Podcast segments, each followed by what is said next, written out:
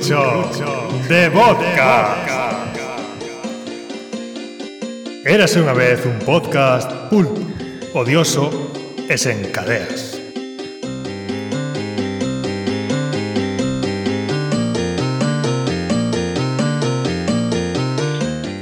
Moi boa xente, damos vos a benvida a unha nova edición de Gurrucho de Podcast Esta vez en directo, imos coas presentacións Está connosco o amigo Finn, que tal? Hola, que tal? está o técnico Maño dos dedos vertiginosos, que tal? Moi boa tarde. De outro, dende outro lado do mundo, casi, desde Cataluña, Fran, que tal, Fran? Hola, por aquí andamos. E eu son Héctor.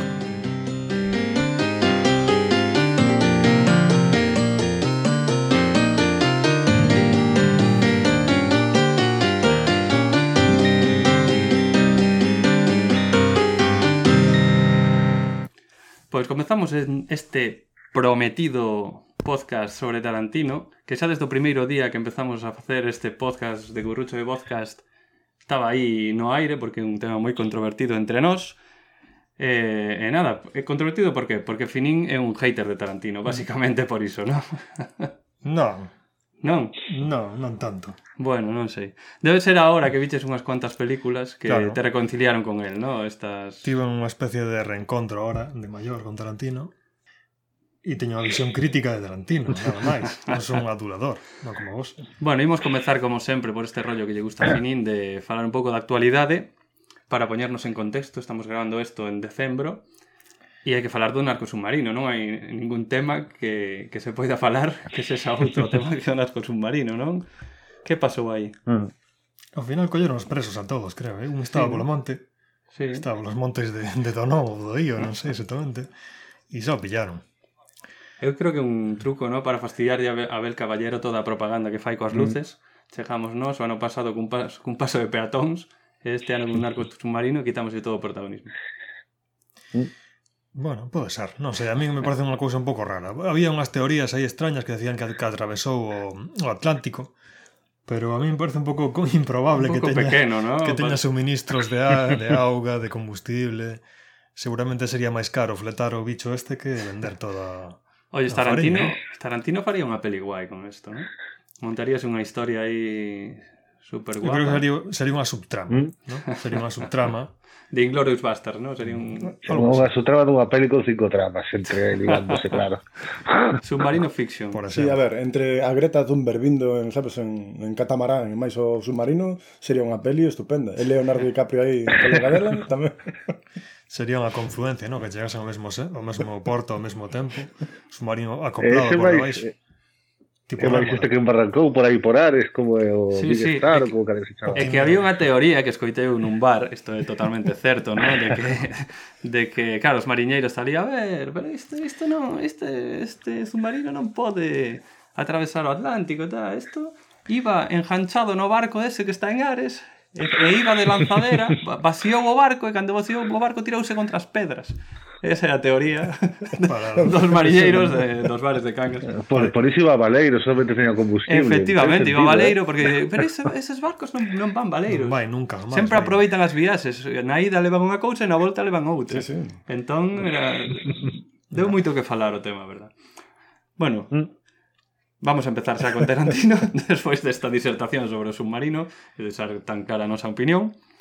Eh, nada, imos a facer un programa dividido en catro blocos, os típicos catro blocos, primeiro máis da biografía e un pouco repasar a obra así moi por riba. No segundo bloco falaremos máis do estilo de Tarantino eh, e das súas influencias. Eh, no terceiro vamos a facer un concurso, un concurso onde por fin se establecerá cales son as mellores obras de Tarantino, como por exemplo Kill Bill, e cales son as peores, como Jackie Brown, e na... que pasa? eh, no último bloco vai ser cortiño, vamos a intentar ver as a Tarantino exploitation, non? Que que pegada deixou Tarantino noutros autores, xa se sabe de cinema ou de calquera outro medio. Pois nada, con esta primeira música Damos paso ao primeiro bloco.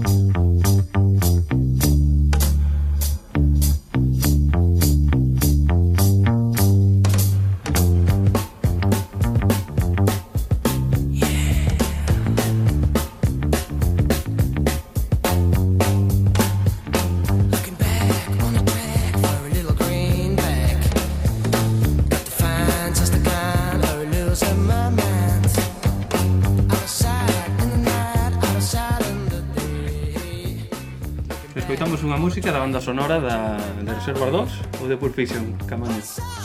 Dos segundos. Isto, esto podía ser unha, unha pregunta destas de saber e ganar, sí, no? Poñer sí. tú unha, unha canción de Reservoir 2 e dice Reservoir, Reservoir 2 ou Pulp Fiction? Cuidado que, que non é tan sincero. Creo que a música os créditos, ¿no? É dicir, a, a foto que tendes agora na, na pantalla de YouTube uh -huh. eh, pois pues acompañaba mm. a presentación destes gangsters, pois pues, creo que estamos Sí, señor. Non preguntedes autor porque non sabes. Bueno, eso en Youtube, mírase. Non, non o pon aí no, no título. Pois... Pues, eh, eh... No, preguntando a Camaño. Camaño acaba de volver tolo. porque estaba facendo non sei que. Bueno, nada. Vamos a comenzar este bloco 1. Entón, unha y... breve breve exposición bibliográfica. Biográfica. Bio... Ah, viva esa biográfica. Era biográfica, nada, Cagacho. Eh... Ahora improviso. Mm. Non, tampouco vou meterme moito Porque, a ver, a vida deste home ten que ser super interesante Pero non topei demasiado así. Podes coller un vídeo calquera Vida de Tarantino en Youtube E son moito máis interesantes Biografía de Tarantino. A vida deste tío era moi interesante Pero bueno, buscade bueno. en, en Wikipedia. A ver, chegou hasta que conoceu a Harvey Weinstein Aí volvese todo interesante. Todo máis interesante. E despois a sí. Bueno, mm, por citar o máis importante Naceu no ano 63, no 27 de marzo En en Knoxville, Tennessee. É dicir, que é un pouco así do sur, ¿no? en teoría. Pero xa de moi novo, mmm, criouse coa nai nada máis, o que o pai escapou, pois por aí a vivir a vida, e viviu unha zona de, de Los Ángeles a maior parte da súa infancia e xuventude. Non exactamente na cidade, pero bueno, en, en, no condado, por aí, cerca. E mm, contaba el, tamén contan outros eh, blogs no que se fai referencia á súa biografía que o seu novo pai o seu padrastro, por así decirlo, a nova parella da súa nai levaba ao cine de pequeno pero miraban calquera cousa, é dicir, daba un pouco igual. Supoño que de alguma maneira su superaría os controis de non recomendado a menores de X anos, pero el conta eso, de que miraba unha peli violenta ou que sea, ou algo de sexo e daba igual, decir, estaba aí, copa aí. Digamos que esa sería unha das primeiras aproximacións de Tarantino a, a ese gusto, ¿no? polo cine, que esa recorda él, ¿no? Uh -huh. Mismamente. E outro detalle que tamén me pareceu así anecdótico da súa infancia é que traballou con 15 anos, estamos falando finales dos anos 70, como acomodador, andaba como linterna por dentro do cine, nun teatro, nun theater que echaban eles eh, de adultos o Pussycat Theater. É dicir, que teu, tivo que ver bastantes cousas así húmidas e, e pegadas aos, as butacas, non? E cousas mm-hmm. así espectaculares, non? Lapos. Época. Sí, é dicir, que xa desde pequeno mm, estaba metido nun grupo de teatro, creo que no instituto, logo xa de maior se meteu eh, a, a formarse ¿no? como actor nunha compañía de teatro mm, cuyo nombre non recordo ahora mesmo, pero bueno, da igual. Games Best Theatre Company. Efectivamente, esa era. Pai, me has preparado franca a ti, esto non é responsa. E, por así decir, vou entrar directamente xa no seu, no seu traballo, decir, como donde empezou. O que primeiro destaca en Tarantino era a súa escrita, decir, empezou escribindo guións. Mm. E sería no ano 1987 cando polos contratos que tiña, un produtor chamouno para colaborar nun vídeo VHS eh, protagonizado por Dolph Langren, un vídeo de mm, estilos que facía mm, antes para pinchar na casa ou no gimnasio e facer, pois, pesas, eh, flexións, ese tipo de cousas. Máximo potencial, é o nome do vídeo. entón, eh, traballou co seu colega mm, cun colega del, non recordo o nome, tra, eh, traballou como axudante de producción. O colega que ahora non recordo o nome. E que en vez de traer as notas en papel, traer as no móvil. Entón é moi complicado, moi complicado. eh, digamos que esa foi unha das súas primeiras colaboracións porque outro proxecto grande que tiña era unha película que se chama My Best Friend Birthday, o cumpleanos do meu mellor amigo, uh -huh. e era un guión que fixera ela a, a, a digamos que a dúas mans co seu colegui E o seu proxecto inicial ia prácticamente era uns poucos miles de dólares con actores aficionados que iban a ser de seus amigotes. Mm. E realmente gravaron isto no ano 87, pero según contan, según as versións, se queimou todo na sala de montaxe. Prácticamente non quedan máis que algúns minutos da grabación. Que estarían facendo, non? Hai, hai por aí unha hai... rulando algo algún vídeo en Youtube sobre esa primeira versión. Efectivamente. Pero queda... por visto que está moi orgulloso Tarantino. Entón, o mellor foi el quen o queimou todo. pode ser. Tamén pode ser. Pode ser. Despois ser. homenaxeouse a sí mesmo en Malditos Bastardos cando se queima todo o celuloide. Sí, bueno, que tamén un referente de, de Cinema Paradiso, ¿no? pero bueno, hmm. así por buscarlle máis cousas. A ver. E digamos que ante este fracaso ¿no? porque sí. non chegou a, a, uh a ningún lado a película, de alguma maneira reciclou ou, ou canibalizou este guión para un novo guion, o de True Romance, que a versión creo que Amor a Queimarroupa. Amor a queimarroupa, Amor a sí. Queimarroupa. True Romance. Vale, ese sería un guion que fixo el e que xa empezou a gustar, xa se meteu no mundo de Hollywood como un tipo que escribía con, con un certo estilo, moi personal, e digamos que ese son- sería un dos seus primeiros pasos. Pero bueno, Mm. antes diso, evidentemente, ven a súa primeira película, que eh, de alguma maneira a través do ese colega dun produtor, da muller do produtor que conocía a Harvey Keitel, bueno, unha cousa así un pouco enrevesada, acabou o guión nas mans de Harvey Keitel que dixo isto gustame a min, gustarme en facelo a min, entrou como produtor executivo e foi el o que asegurou que entrasen actores potentes, ¿no? como pues, este Tim Roth, que non é demasiado conocido, pero bueno, el mesmo Harvey Keitel, que era unha lenda viva. Do... Bueno. Do cine de Hollywood. Sí, sí, vamos. Y ahí está Reservoir Dogs, ¿no? Consiguieron hasta un millón de dólares. Eh, es decir, pasaron de un presupuesto. ¿Y no dices que trabajó en un videoclub? Sí. Es decir, no, no lo dicen. que tenías que decir, no lo básicamente. Que bueno, en un videoclub. pasóseme. Saltó uno muy de. De refilón. Muy por arriba. Claro, que el dice que é a súa escola, ¿no? A súa escola é o videoclub, el, el miraba todas as películas que había, iba como por xéneros. Ahora vou a mirar pelis de chinos, e eh, poñas a mirar as pelis de chinos. Despois eh, vou mirar cine negro. Vou mirar ah. Nouvelle Vague, vou mirar, mirar... O tipo, cuidado que de cine é un entendido. Perdona, Filín, que te corto. Non, que se me recorda que eu tamén de pequeno facíamos eso nun videoclub que había por ali no barrio. No Ruada. No, no, no outro. Hostia, non ibas a Ruada. Pareceme fatal. Vale, sigue, sigue. No outro. De vez en Pero por iso, por iso non acabou como Tarantino Feeling. Non, mandámonos a, a tenda que había en fronte, que era unha tenda de fotografía e tiña unha fotocopiadora. Entón tío nos mandaba coa carátula para facer unha fotografía, ou unha fotocopia en blanco e negro, Hmm. para a copia, ¿no? que levaban os clientes. Mm. Eh, as pelis eróticas, claro. Porno, non eróticas. Bueno, Reservoir Dogs. Ah, non, en 92... Dando datos que non importan a ninguén. Ah, no 92 sí. ganou premios, foi super reconocido e prácticamente se cumbrou como un cineasta de con moita personalidade e de, de culto, non? Ainda que algúns o denostaron bastante, non? Pola violencia, Pola violencia. etcétera, etcétera. E, bueno, avanzando así un pouco máis na filmografía de Tarantino, decíamos a True Romance aparece no 93, ¿no? Uh -huh. Ese guión. Uh -huh. Logo, un pouco, un pouco despois, eh, Asasinos Natos, ¿no?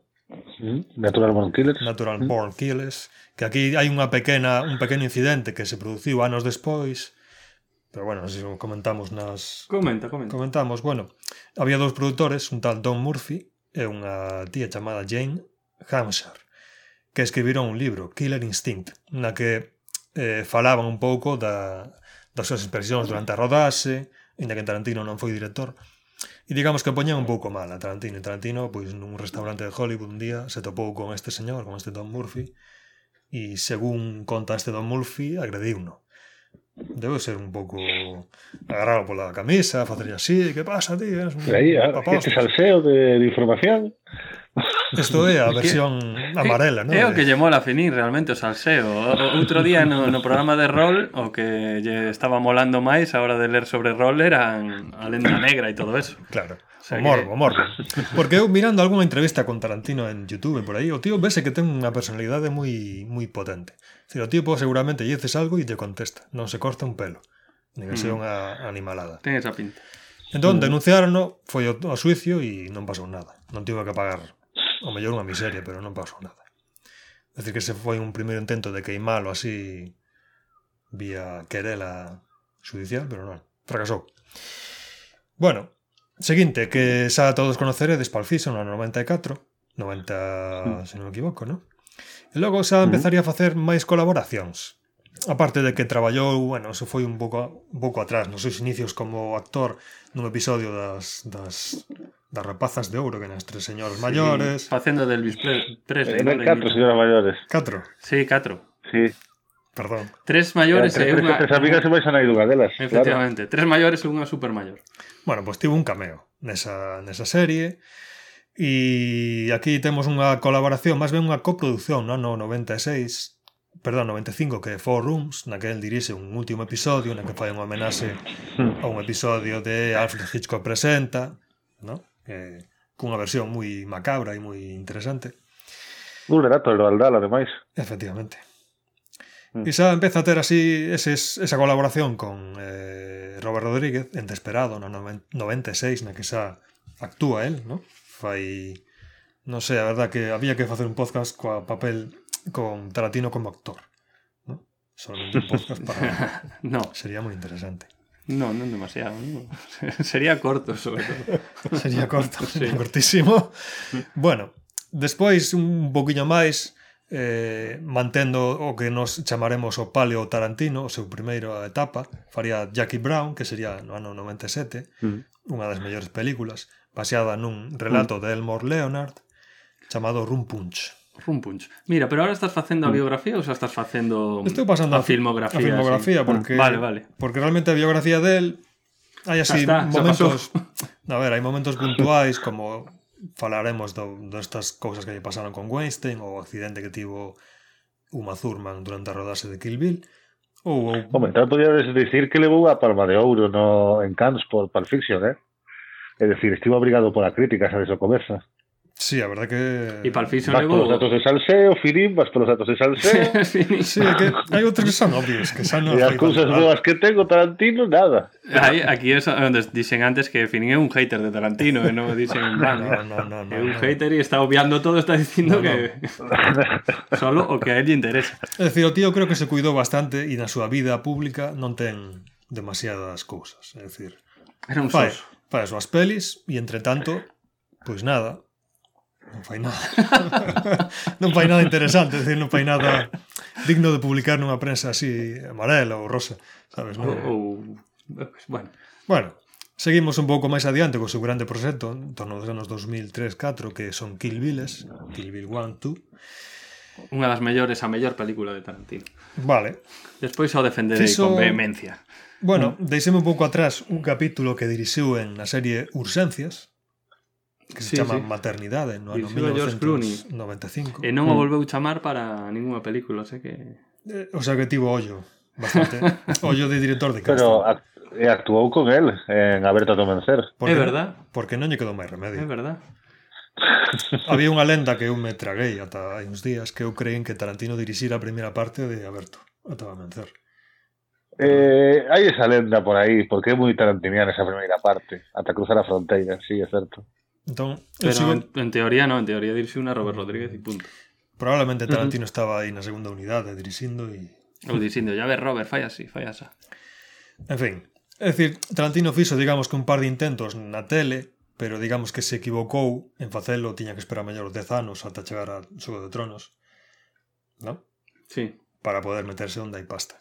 Porque, vamos, fixo un capítulo na quinta temporada de CSI que curiosamente en Telecinco casi nunca votan, é dicir, unha cousa rarísima, que é un dobre capítulo na que a un dos eh, CSIs o captura un, un tipo que está un pouco chalado e o mete nunha tumba o enterra, o enterra vivo, dalle unha cinta para que grave, dalle unha pistola para que se pegue un tiro e uns tubos fluorescentes para que mire. Ese capítulo lembro eu que o mirei Non sabía que o dirixira Tarantino Porque non me fixo nas series que, uh -huh. que non ten nada A verdade é que non ten Ten ah. un par de diálogos nos que intenta colar Eses diálogos tarantinianos Pero pouco máis Claro, non lle deixa, non lle deixan inmiscuirse tanto Que si a trama e o, o rollo de, sus, de suspense de, de tensión, ese final de Que chegan un, no último segundo a rescatar o fulano Está guai, pero sí que o certo que non parece Non parece de Tarantino, Tarantino. Parece un...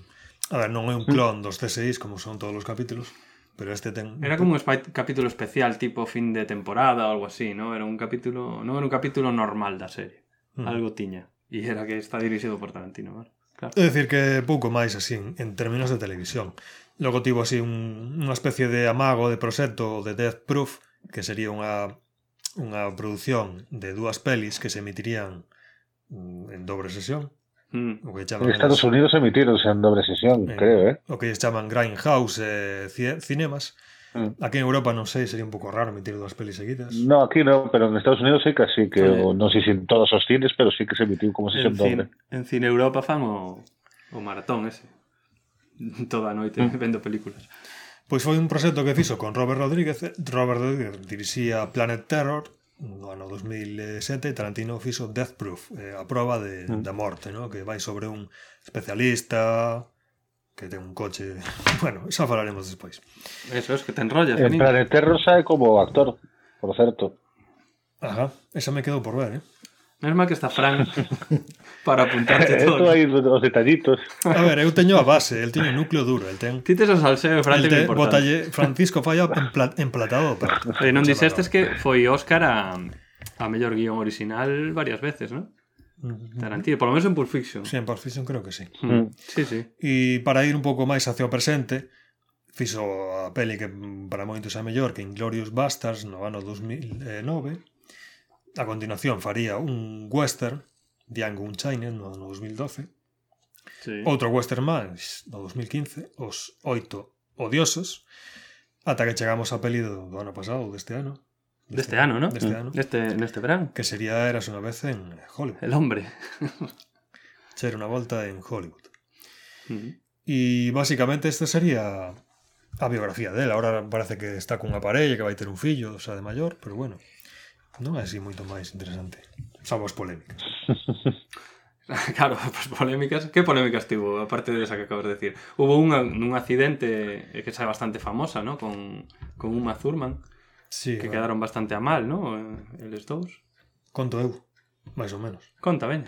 É que máis ou que menos... máis te gusta contar estas cosas. Canseo conta o tífido. A ver, non estou moi seguro, porque a versión que hai é que durante a rodase eh, el lle dixo a Uma Thurman que non había problema, que o coche, o coche estaba ben, non sei que, non sei se hubo algún técnico por aí que decía que non, pero bueno, el decía que sí.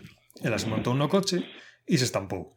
Entón, tivo problemas nas pernas, tivo algunha fractura, me parece, e no pescozo tamén. Entón, acarreou unha serie de lesións e de achaques crónicos que lle afectaron moito, non? sobre todo na súa carreira posterior. O que pasa é que non saliu a, a denunciar este feito ata aí moi pouco, coincidindo co movimento este de Me Too e a hmm. denuncia contra Har, eh, Harvey Weinstein. Hmm. E mm. vale, parece que hubo aí un enfriamento entre a relación entre Tarantino e Uma Thurman durante moitos anos, aínda que tampouco, polo que din, ela non lle ten demasiado eh, rancor, non? Parece que ao final entendeu a posición de Tarantino, el se disculpou tamén. E tampouco hmm. chegou así. Tarantino tamén se desculpou. Por eso Tarantino mm. se desculpou. Mm. E tampouco mm. chegaba moito máis. Logo agora está o incidente con Weinstein, que se, foi o seu produtor durante un mogollón de anos. Efectivamente. Ata esta última película, ou quizás anterior, na que xa se desentendeu debido á presión, á enorme presión, mm. polas acusacións no? de acoso sexual, non sei se de violación, pero bueno, de acoso sexual, desde logo que sí. Era un pouco así polvo o tipo este e... E... Pasolle, pasolle como a Rajoy, primeiro... diso, no? primeiro apoiou uno, pero despois viu que que mellor non, mellor. Sí, como a Rajoy, como a Bárcenas, como a todos estes. No, no, no, non pasa nada. Claro, como a Rajoy con Bárcenas. Ah, bueno, Aquí sí. eh, Tarantino e Rajoy e, e outro e Bárcenas. ¿no? Algo así. Pues serían así un pouco as, as polémicas. Logo tamén hai algo de polémica con esta nova de Hollywood polo tratamento que ten das mulleres ou... Non sei, a verdade. Iso é discutible de todas maneiras, sobre todo para un director que que fixo papéis femeninos e, e protagonistas mesmo. Efectivamente. Sí. Pero pero tamén tivo, por exemplo, a polémica coa con Spike Lee, coa raza, coa Django Sí, Unchained, eu creo que eso... mm, coa para- Inworth esta. Aquí en España é un pouco difícil de entender, pero ali hai un grupo de xente que o teñen moi que o leva moi a peito e que para eles era intocable ese tema, sobre todo no contexto de un western, un pouco así con humor negro. Non lle gustou nada a Spike Lee. Ni sí, sequera antes. Escravitude non foi un espagueti western, non, unha cousa así diso. Sí, mm. diso que non, non lle gustaba acusar a palabra nigger en nesa peli. Decía, bueno, en Ducky Brown podo che aceptar que a use un negrata, un traficante de armas ou o que sea, bueno, pero que ti, un branco, un branco, que me veñas usando esta palabra, estás como desvirtuando, ¿no? que foi un holocausto, mm. non sei que, non sei cuánto. Entón, Tivo aí algunha polémica, hubo algunha declaración de Samuel L. Jackson dicindo que, bueno, que si Spike Lee fixera algunha peli decente, pero como non fai ningunha peli desde hai 20 anos... Hostia, saliva a saco, abraza, Samuel. Abrazándose e quitándolle, quitándolle credibilidade a, a Spike. Que creo que Spike fixo un remake, non fixo remake de Old Boy hai pouco tempo. Sí, fixo. Sí, fixera, sí, sí. Que buen remake. Boy, por certo, eh, peliculón. Old sí. Boy, sí, pero... O remake de... E sabe Samuel L. Jackson, por certo, de ese remake.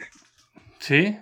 Hostia, aquí Sí. mistúrase todo. é un círculo Pero vicioso. que con Samuel L. Jackson tamén facía, como se do... Eh, ah, nesta das la, la peli primeira de Spike Lee. Eh, De fallo que debas, pode ser. Eso. Era o, o do programa da radio, creo. É que Samuel L. Jackson sale de en todas radio. as E eu películas. penso que Samuel L. Jackson. Salen todas as películas, sale Samuel L. Jackson. Unha especie de Jordi é Hurtado. certo. Jordi Hurtado do, do cine de Hollywood. Está en todos lados, tío. Bueno, eh, para continuar, con... acabaches coa biografía? Final? Sí, eu creo Podemos... que sí. Eh? No, vale. Vai moito máis. Podemos falar un pouco das influencias para rematar este bloco?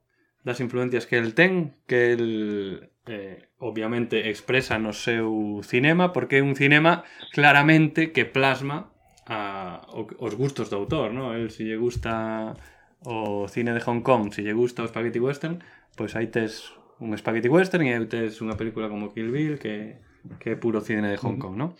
Entón, podemos empezar, por exemplo, xa que falades agora de Spy Lee e tal, da, da Black Exploitation, non? El, el, en Jackie Brown, por exemplo, sobre todo en Jackie Brown, mm. eh, plasma aí unha Black Exploitation moi clara, eh? e a música, por exemplo, xa que falaba desto Harvey este, foi el o que lle dixo a Tarantino de utilizar esas, esas músicas da, da Black Exploitation, o sea, da Black, da Black Exploitation na peli de, de Jackie Brown porque faltaba pouco para comezar e ainda non tiñan banda sonora. E fixeron así moi a correr.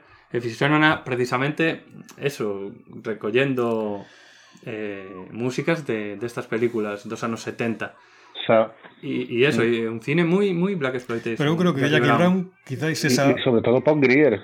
Eh, por, por, la actriz, la protagonista sí, Es una gran musa da Black Exploitation, Pangrier. Que rescata a Pangrier aí, pero non volve a facer moito máis Pangrier, verdad? Non é como no, John Travolta, por exemplo.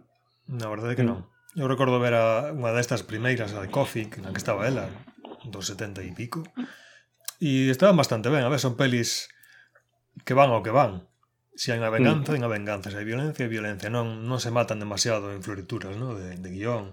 Decir, eran un pouco produtos da, de, de eso, de doble sesión ou como quieras chamar. Que pode ser eh, que ten Jackie Brown de Jack Exploita de Jack Exploita de Black Exploitation, aparte da música. Tería algo máis? Eu creo que non ten tanto, eh?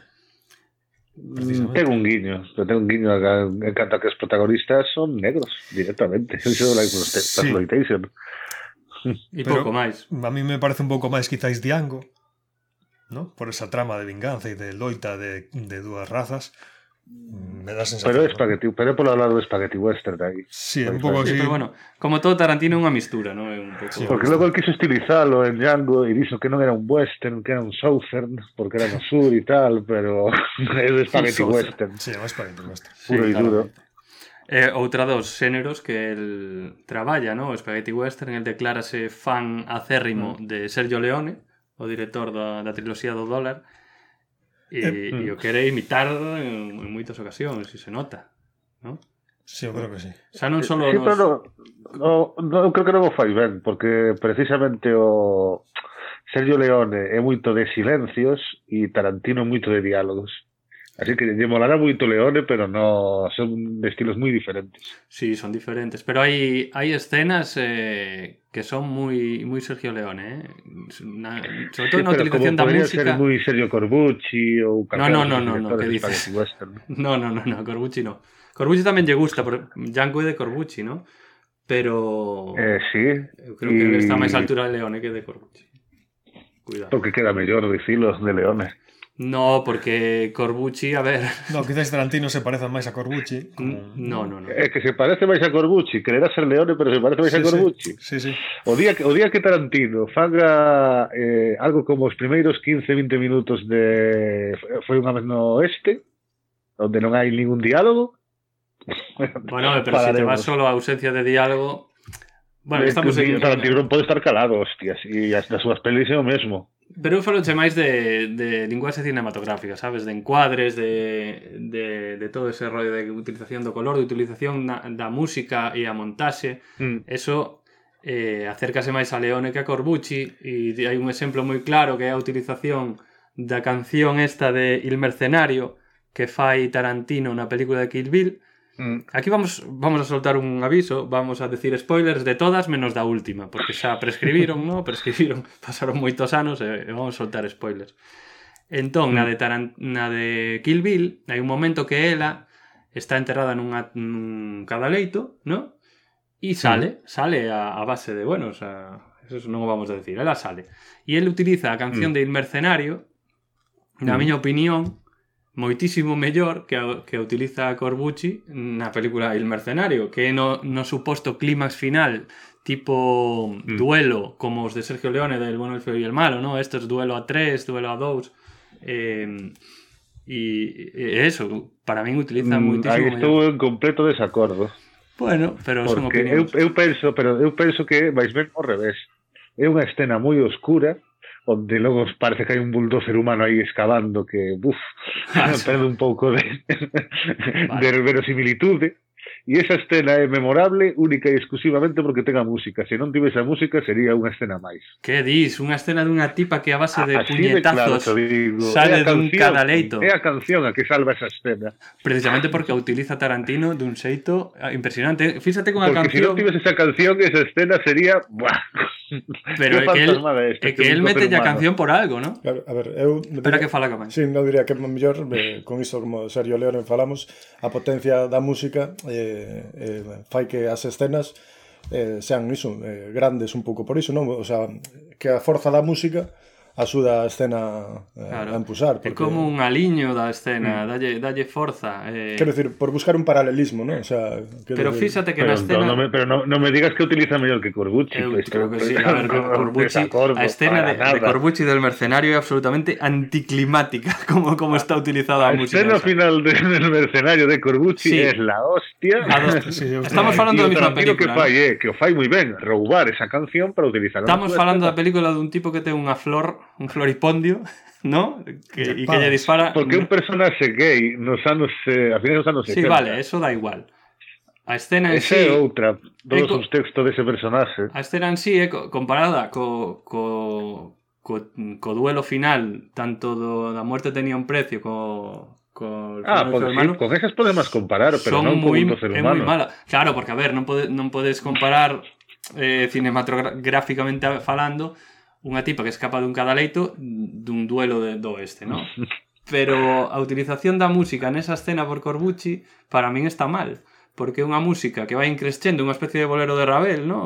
Um, el mercenario vai, vai repetindo, repite, repite e vai sumando, sumando, sumando e chega ao final de todo o clímax. Este Este, o disparo non é nin o final de todo, sabes? Pero que ti non veches a peli, seguramente, porque é un círculo, eso vai ao principio da peli sí. é o mesmo, entran na mesma arena, no mesmo plaza de touros mm. e no final volven, a estar na mesma escena con a panorámica das gradas a mí pareceu moi bonito o rollo do o, o, o que protagonista que para fuxir ten que traballar como de payaso de payaso como de touros pero que vai disfrazado de payaso sí, sí, sí. Xa. E como que espanta e outro vai como a humillalo en plan de xa xa é humillante que tengas que estar como payaso e aparte vou te vale, e logo chego franconero falle o soco ese dalle oportunidade Joder, solo, está de puta madre esa escena. Non? Eu solo nada, digo que pega a música, estamos falando da música. A música pega moito máis coa escena de Tarantino que co de Corbucci. Bueno, para mí.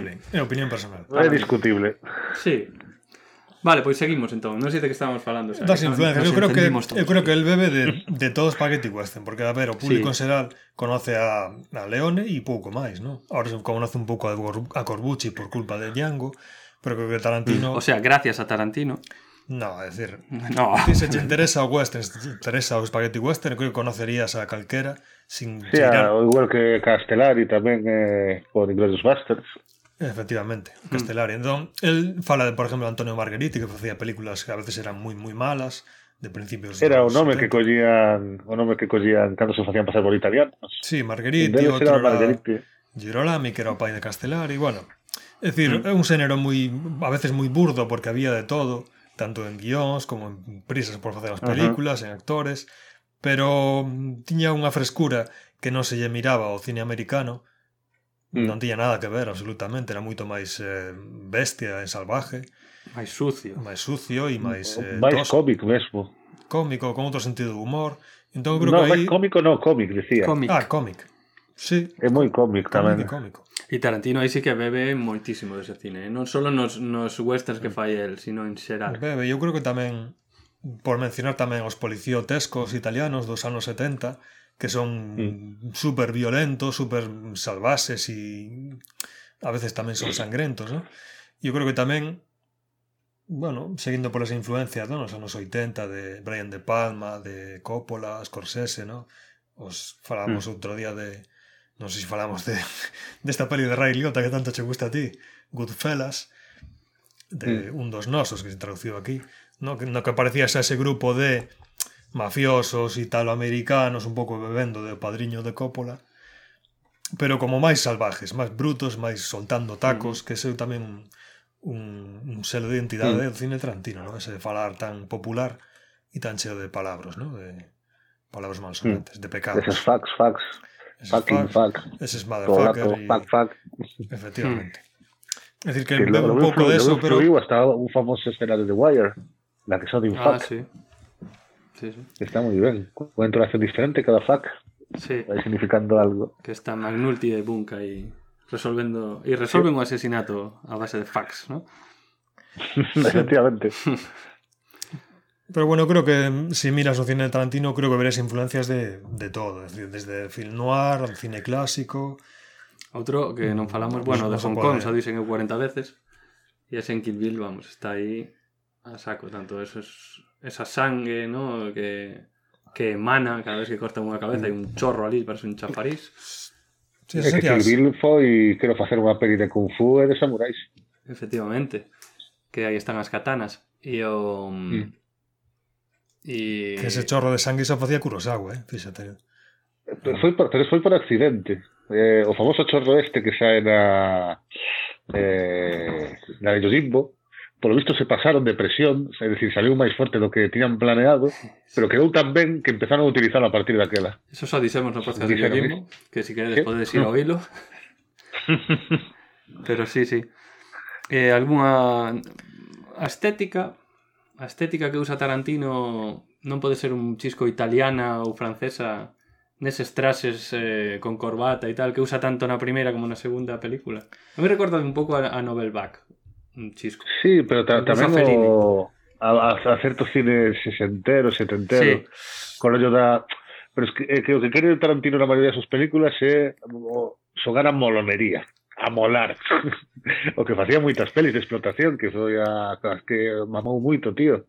Entonces, a ver, hai veces que o guión e o de menos, o importante é que mole. Sí. que estéticamente mole, sea chulo. Sí, sí, sí.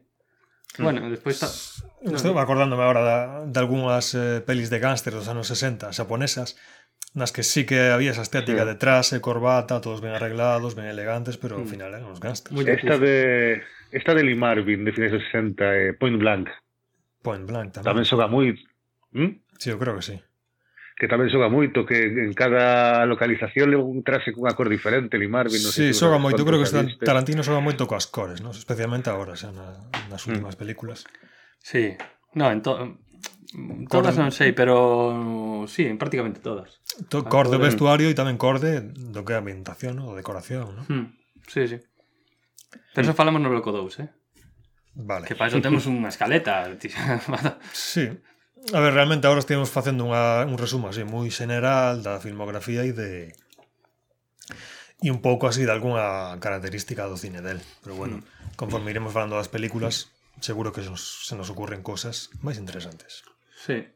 Pois nada, eh, algunha influencia mm. máis se vos ocorre, bueno, ten influencia de todo tipo de cine porque el mesmo eh, cando lle fan entrevistas eh, notase e fala de todo tipo de cine, pero a él parece que lle gusta máis este cine casi serie B, parece que como quere que rescatar esa serie B e dignificala, ¿no? Este mm. cine mm. que, que pola crítica nunca tuvo demasiado boa prensa, ¿no? Sí, realmente, mm. eu creo que moitas das pelis del son así.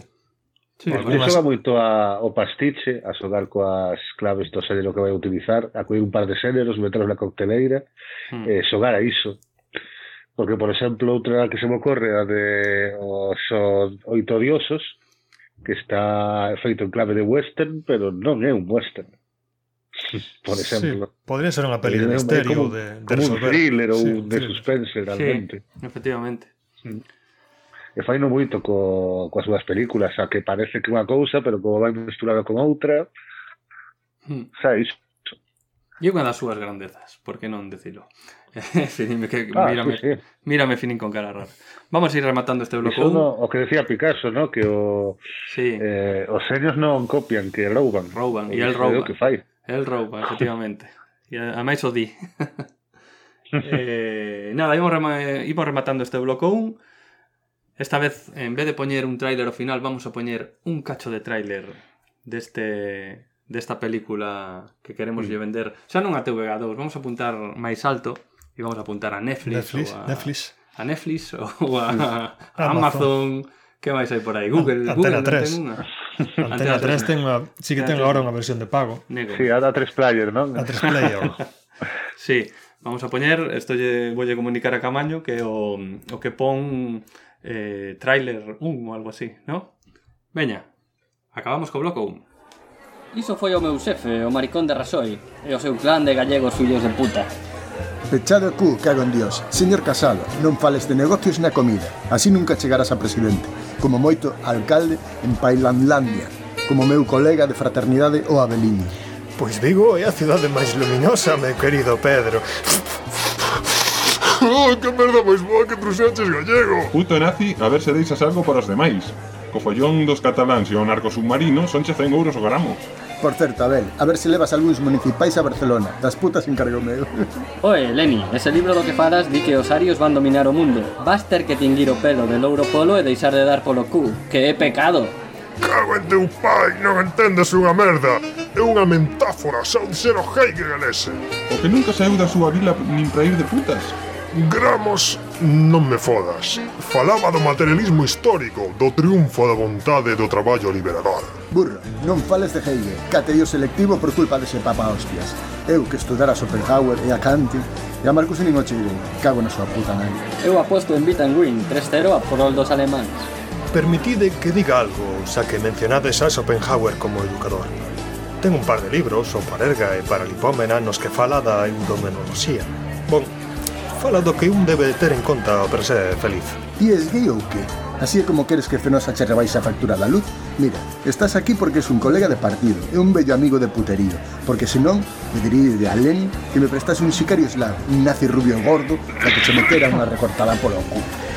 Oi, xa me fodeches da bondo co do vídeo.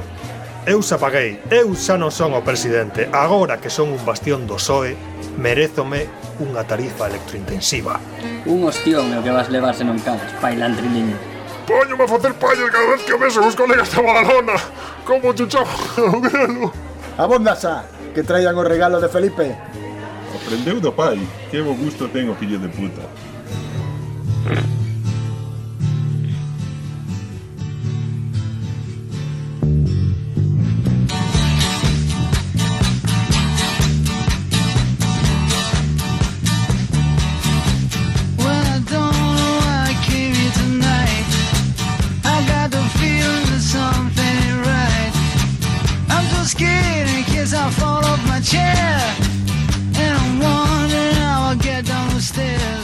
estamos de volta Empezamos o bloco 2 Escoitamos este tráiler guionizado polo señor Finín Intentando imitar o estilo tarantiniano. Non sabemos se conseguiu ou non Penso que non Pero eh, neste bloco 2 Imos falar eh, do estilo tarantiniano Do estilo que ten Tarantino O que as ferramentas que utiliza el para facer o seu cinema. E imos a, a comenzar, xa que escoitamos un tráiler aquí unha versión de Finín dunha cena de dirixen, directivos, dirixentes do país. Vamos a empezar a falar do guión. O, o guión en Tarantino. Cales son as características que ten o guión mm, no director Quentin Tarantino? Finín. Mm... Que te poño nun compromiso. Sí, a verdade que sí. Bueno, eu creo que pesan moito os diálogos. É dicir, mm, contan moitas cousas. Algúnas delas son intrascendentes e son aparentemente que non valen para nada, pero sempre mm. en calquera escena está contando algo que vai ter moita importancia na trama. Inda que, inda que o meta así un pouco con entre, entre líneas, vamos, por así decirlo, ¿no? E como neste cacho de guión que fixen eu, estaba comprimido aí en dous minutos, non me deu tempo a, a explicarlo todo, entón tive que meter detalles así entre líneas, o que se chama subtexto, ¿no? Mm. Pero sobre todo nos quedamos con guión bastante bastante bien elaborado en Seral, comparado con mm. estándar Hollywood. Dos, años 90 y 2000 y 2010. ¿no? Sí, hombre, sí. Es decir, tenemos sus personajes mm, bastante bien currados, suelen así pertenecer a esos submundos, por lo menos en las primeras etapas, submundos do, do crime, ¿no? Normalmente mm. sí. pero que falan dunha forma moi terrenal, é dicir, moi moi moi de como se foran os negros do gueto. E a veces se ten dito incluso, no, parece que estás trasladando a uns negratas do gueto que están traficando un droga a uns tipos traseados, gafas de sol, carabata, non, digamos que a veces contrasta un pouco por mm. eso. Mm. E eso va tamén moito a eso, a contrastes de personaxes, de situacións, o que decíamos antes da música. ¿Mm? Di, Fran. Non, decía que logo utiliza moito para, eh, para que as, eses diálogos que tan ben fai Tarantino, porque parece así como moi eh, moi naturais, o de a anécdota. É sí. dicir, na maioría do, dos diálogos, en todas as pelis Tarantino, hai un diálogo onde se fala dunha anécdota que realmente non ten nada que ver con esto da trama, máis que a mellor un pouco lateralmente ou nin iso, pero que lle dá ese toque de naturalidade. Eh, e faime gracia porque, se si lembrades, eh, dese lugar dogs, aquí vou a facer un pequeno spoiler, cando o policía infiltrado está preparándose para para entrar eh, ten como un mestre que lle di tens que preparar unha anécdota, un chiste, un conto algo que contar que pareza real para que, bueno, se fagan os teus amigos e che collan respeto e o que vai repetindo Tarantino logo no resto das pelis engadir a anécdota sí. que opinades Sí, eu creo que sí, que aí estás mm. un pouco no cravo, coincidendo aí en Reservoir Dogs, tamén hai unha anécdota ao principio de todo, a conto mm. de, de que vai o disco... De Madonna, famosa. De que vai o disco ese de Madonna. Logo voltamos a... Mm. Incluso esa anécdota que decías ti... Porque as hamburguesas en Ámsterdam e así, pero con todo, sempre hai unha, unha anécdota. Pero, mm, eh, a ver, por decir algo positivo de Tarantino, creo que esas anécdotas contan, contan algo. É dicir, eh, son, ah, sí, sí, son sí, sí, importantes. eu non o digo por negativo, digo por precisamente darlle unha naturalidade, unha frescura. E hai veces que están feitas de maneira que ti incluso poderías extraer ese diálogo da, da, de toda a película e funcionaría igual como unha escena. Mm, Sí. E que a mí se me ocorre porque fixe un maratón de Tarantino precisamente a semana pasada ou anterior. e se me ocorre que estaba recordando escenas en Death Proof que solamente esas escenas de diálogo en bar ou un diálogo nun, nun restaurante no que están tomando o almorzo xa en sí mesmas son unha película, son unhas escenas espectaculares Sí, que construen os personaxes, crean unha complicidade entre eles, o tío ten que ter unha maña moi especial para dirixir os actores. E crea unha naturalidade, non se ven forzados, non son eses diálogos mm, hiperteatrais, ¿no? que de algunhas películas españolas, ou de algunhas series españolas, sobre todo, que son moi pouco naturais, moi pouco parece que digo unha cousa como nos o trailer, non? Digo unha cousa, espera que ti hmm. remates e outro di outra. É dicir, non hai unha unión aí moi fluida entre, entre as partes. Eu quero decir. Mm. Vou entrar eu co mm. rollo gafapasta un pouco. Eu creo que ese rollos distinguiría un pouco entre o que lle chamas anécdota, que sí que é certo que en Pulp Fiction o policía infiltrado conta unha anécdota, está contando unha anécdota que lle pasou a él, ¿no? Esto, entón é casi como un contacontos, lembrame casi a, hmm. a Kiko Cadaval, eu que sei, claro, con outro estilo totalmente distinto, pero están contando algo que lles pasou. El ensaya esa anécdota, ¿no? Pero hmm. pero eso pasa máis veces, ¿no? En nas películas de Tarantino. E outra cousa sí. é cando falan entre eles, cando con, con, de xeito trivial, digamos, conversación trivial. E eso aí metería eu a, a conversación de Madonna, ou a de darlle un masaxe mm. nos pés a, a moza do xefe e ese tipo de cousas, non?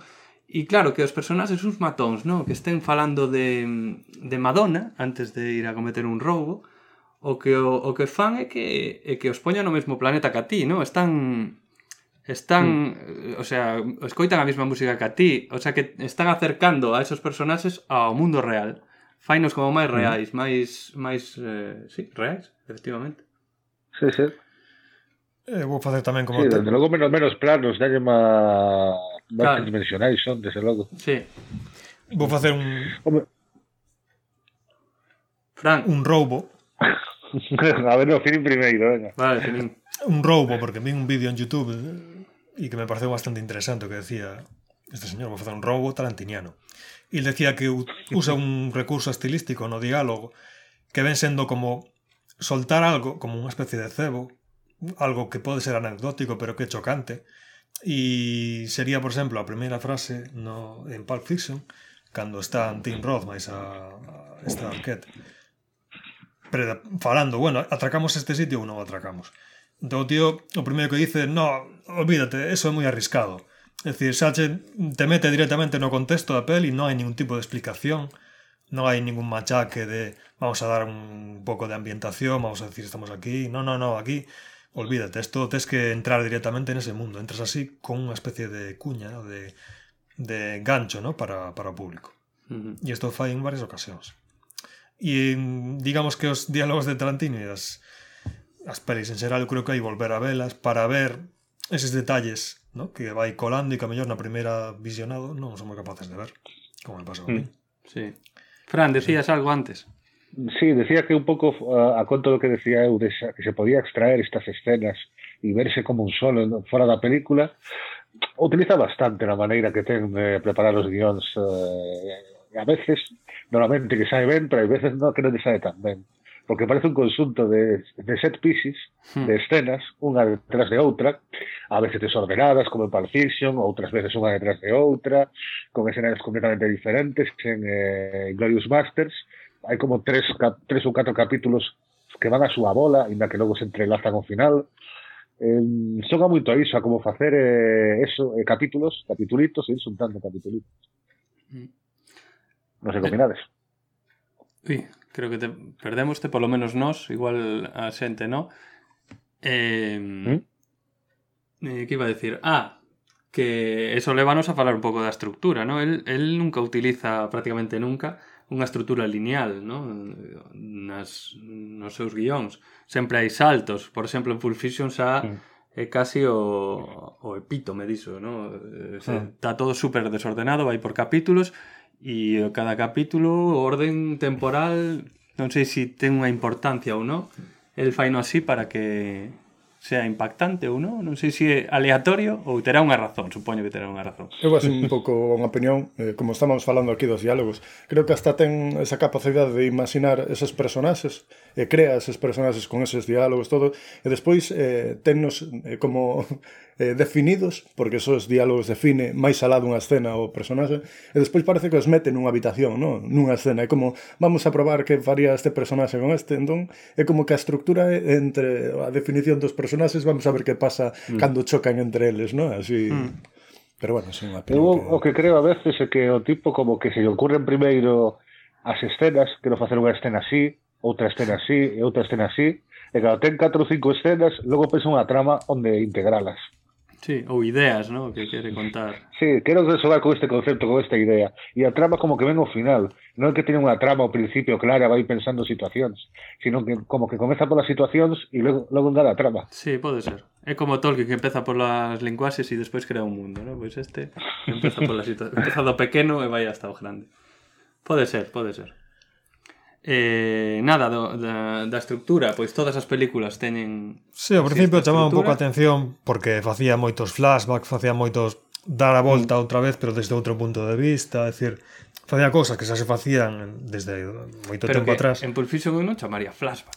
É simplemente mm. que está mm. super desordenado todo e listo. No. Non, é, non é que sexa un flashback. Non son flashback, pero son como volta a narrar o mesmo, pero desde outro punto de vista. É dicir, desde Bruce Willis, desde Travolta, desde outro, e ao final sempre acaban confluindo. Mm, non sei se me explico. Sí, sí. É bastante Eu lembro que cando fun ao cine a ver Pulp Fiction quedara un pouco flaseado porque eh, spoiler, a Travolta mm, mata así a mi... mátano Bruce Willis cando está no váter a mitad da película, ou así. E eu mirara un tráiler e ainda non sucedera o, o rollo de do señor Lobo, ¿no? Eu dicía, mm. hostia, pero este si se amorreu, este tío, en toda a escena que falta, porque ainda, claro, eh, non sabía que, que iba todo en desorden, ¿no? Nese, nesa altura da película. E, e é eso, que o tipo fai un pouco o que dá gana. Pero bueno, Pulp Fiction é a máis exagerada neste sentido, eh? O resto, mm. a ver, son... Sí. Vai tamén así... Porque el dice que el bebe da literatura. El dice, eu, eu leo un libro e igual no capítulo 2 están nun tempo determinado e no capítulo 3 ponche 20 anos antes. Entón dice, eu mm. quero facer o mismo que que se fai na E o fai tal cual, porque incluso pon os títulos de capítulo 1, capítulo 2... Efectivamente. O sea que é, un, é unha estrutura que bebe moito da literatura. Mm. Pero bueno, creo que se algo saben, quedalle ben. Por exemplo, nesta dos odiosos oito, prácticamente é lineal, ata que hai un, un flashback, ¿no? Sí. O último capítulo que é un, unha especie de explicación por que chegamos hasta este punto. Nos dá esa pequena explicación. Mm, sí, sí. En el sentido máis convencional, porque solo hai un flashback e bueno. Sí, pero bueno, un- simplemente unha forma de estilo, é dicir, con que teña un estilo propio sabe bastante, ¿no? Hmm. A vida conta ahora do, dos directores que temos en Hollywood, ¿no? Como JJ Abrams e Tony Scott e compañía. Que pasa con Bueno, Tony JJ Scott, perdón. Abrams? Descansa Director en paz. da director da Da The. Force Awakens. Pois pues que, a ver, non sei. mellores películas de Star Wars. Xa falaremos no próximo podcast teñen outra, de Star Wars. Teñen outra narración un pouco máis deslavazada. teñen unha montaxe un pouco máis frenética de videoclip e, bueno, Tarantino un pouco bebe máis dun, dun cine máis clásico. Ainda que el tamén fai as súas montaxes. Porque sí que que pouco lle teño visto a Tarantino facer é eh, estas montaxes en paralelo, onde se pode ver ao mesmo tempo saltando dun plano a outro eh, dous escenarios diferentes. Eso sí que non, non acostumo a usala. No. Polo que cesa. no, no, certo que no. Hmm. Eh, vamos a outro outra característica do seu estilo, como por exemplo a violencia. Falamos da violencia en hmm. Tarantino. Hmm. Mm, bueno, que chocaba bastante. Eh, recordo unha anécdota que esta vez vou ser o que contei a anécdota. Mm daquela cando votaran Reservoir Dogs na, na tele, no programa de Garci e todo, eu creo que a gravei. E ya, gra... ya pasé a un colega no instituto, estábamos en Cou, así, eh, ti sa... seguramente sabrás Francisco. Entón, este colega dixo que cando chegou a escena do corte da orella de, de Reservoir Dogs, colleu e dixo apagou o vídeo e se non quero ver máis. Digamos que lle chocou tanto porque é así desagradable e é unha cousa moi violenta. Bah, xa, xa me dirás que é ese colega é un, un zapateiro aquí de Cangas. eh, resulta que esa anécdota pasou moitas veces en cines, incluso con xente, ah. con directores, con directores e xente do cine que vale. dixeron isto unha merda e non quero... en teatros non te quero contar. Entón Tarantino estaba un pouco como orgulloso de decir conseguín que mediante este artificio, porque a ver, non se ve, está fora de plano, é que non se ve ademais. Non se ve ademais. Non, sí. é que a, non é que non se ve, é que a cámara fai un movimento Apártase, hacia sí. arriba e hacia a esquerda para apartarse, non é que cambie de plano nin nada. A cámara, a cámara aparta a mirada. Sí.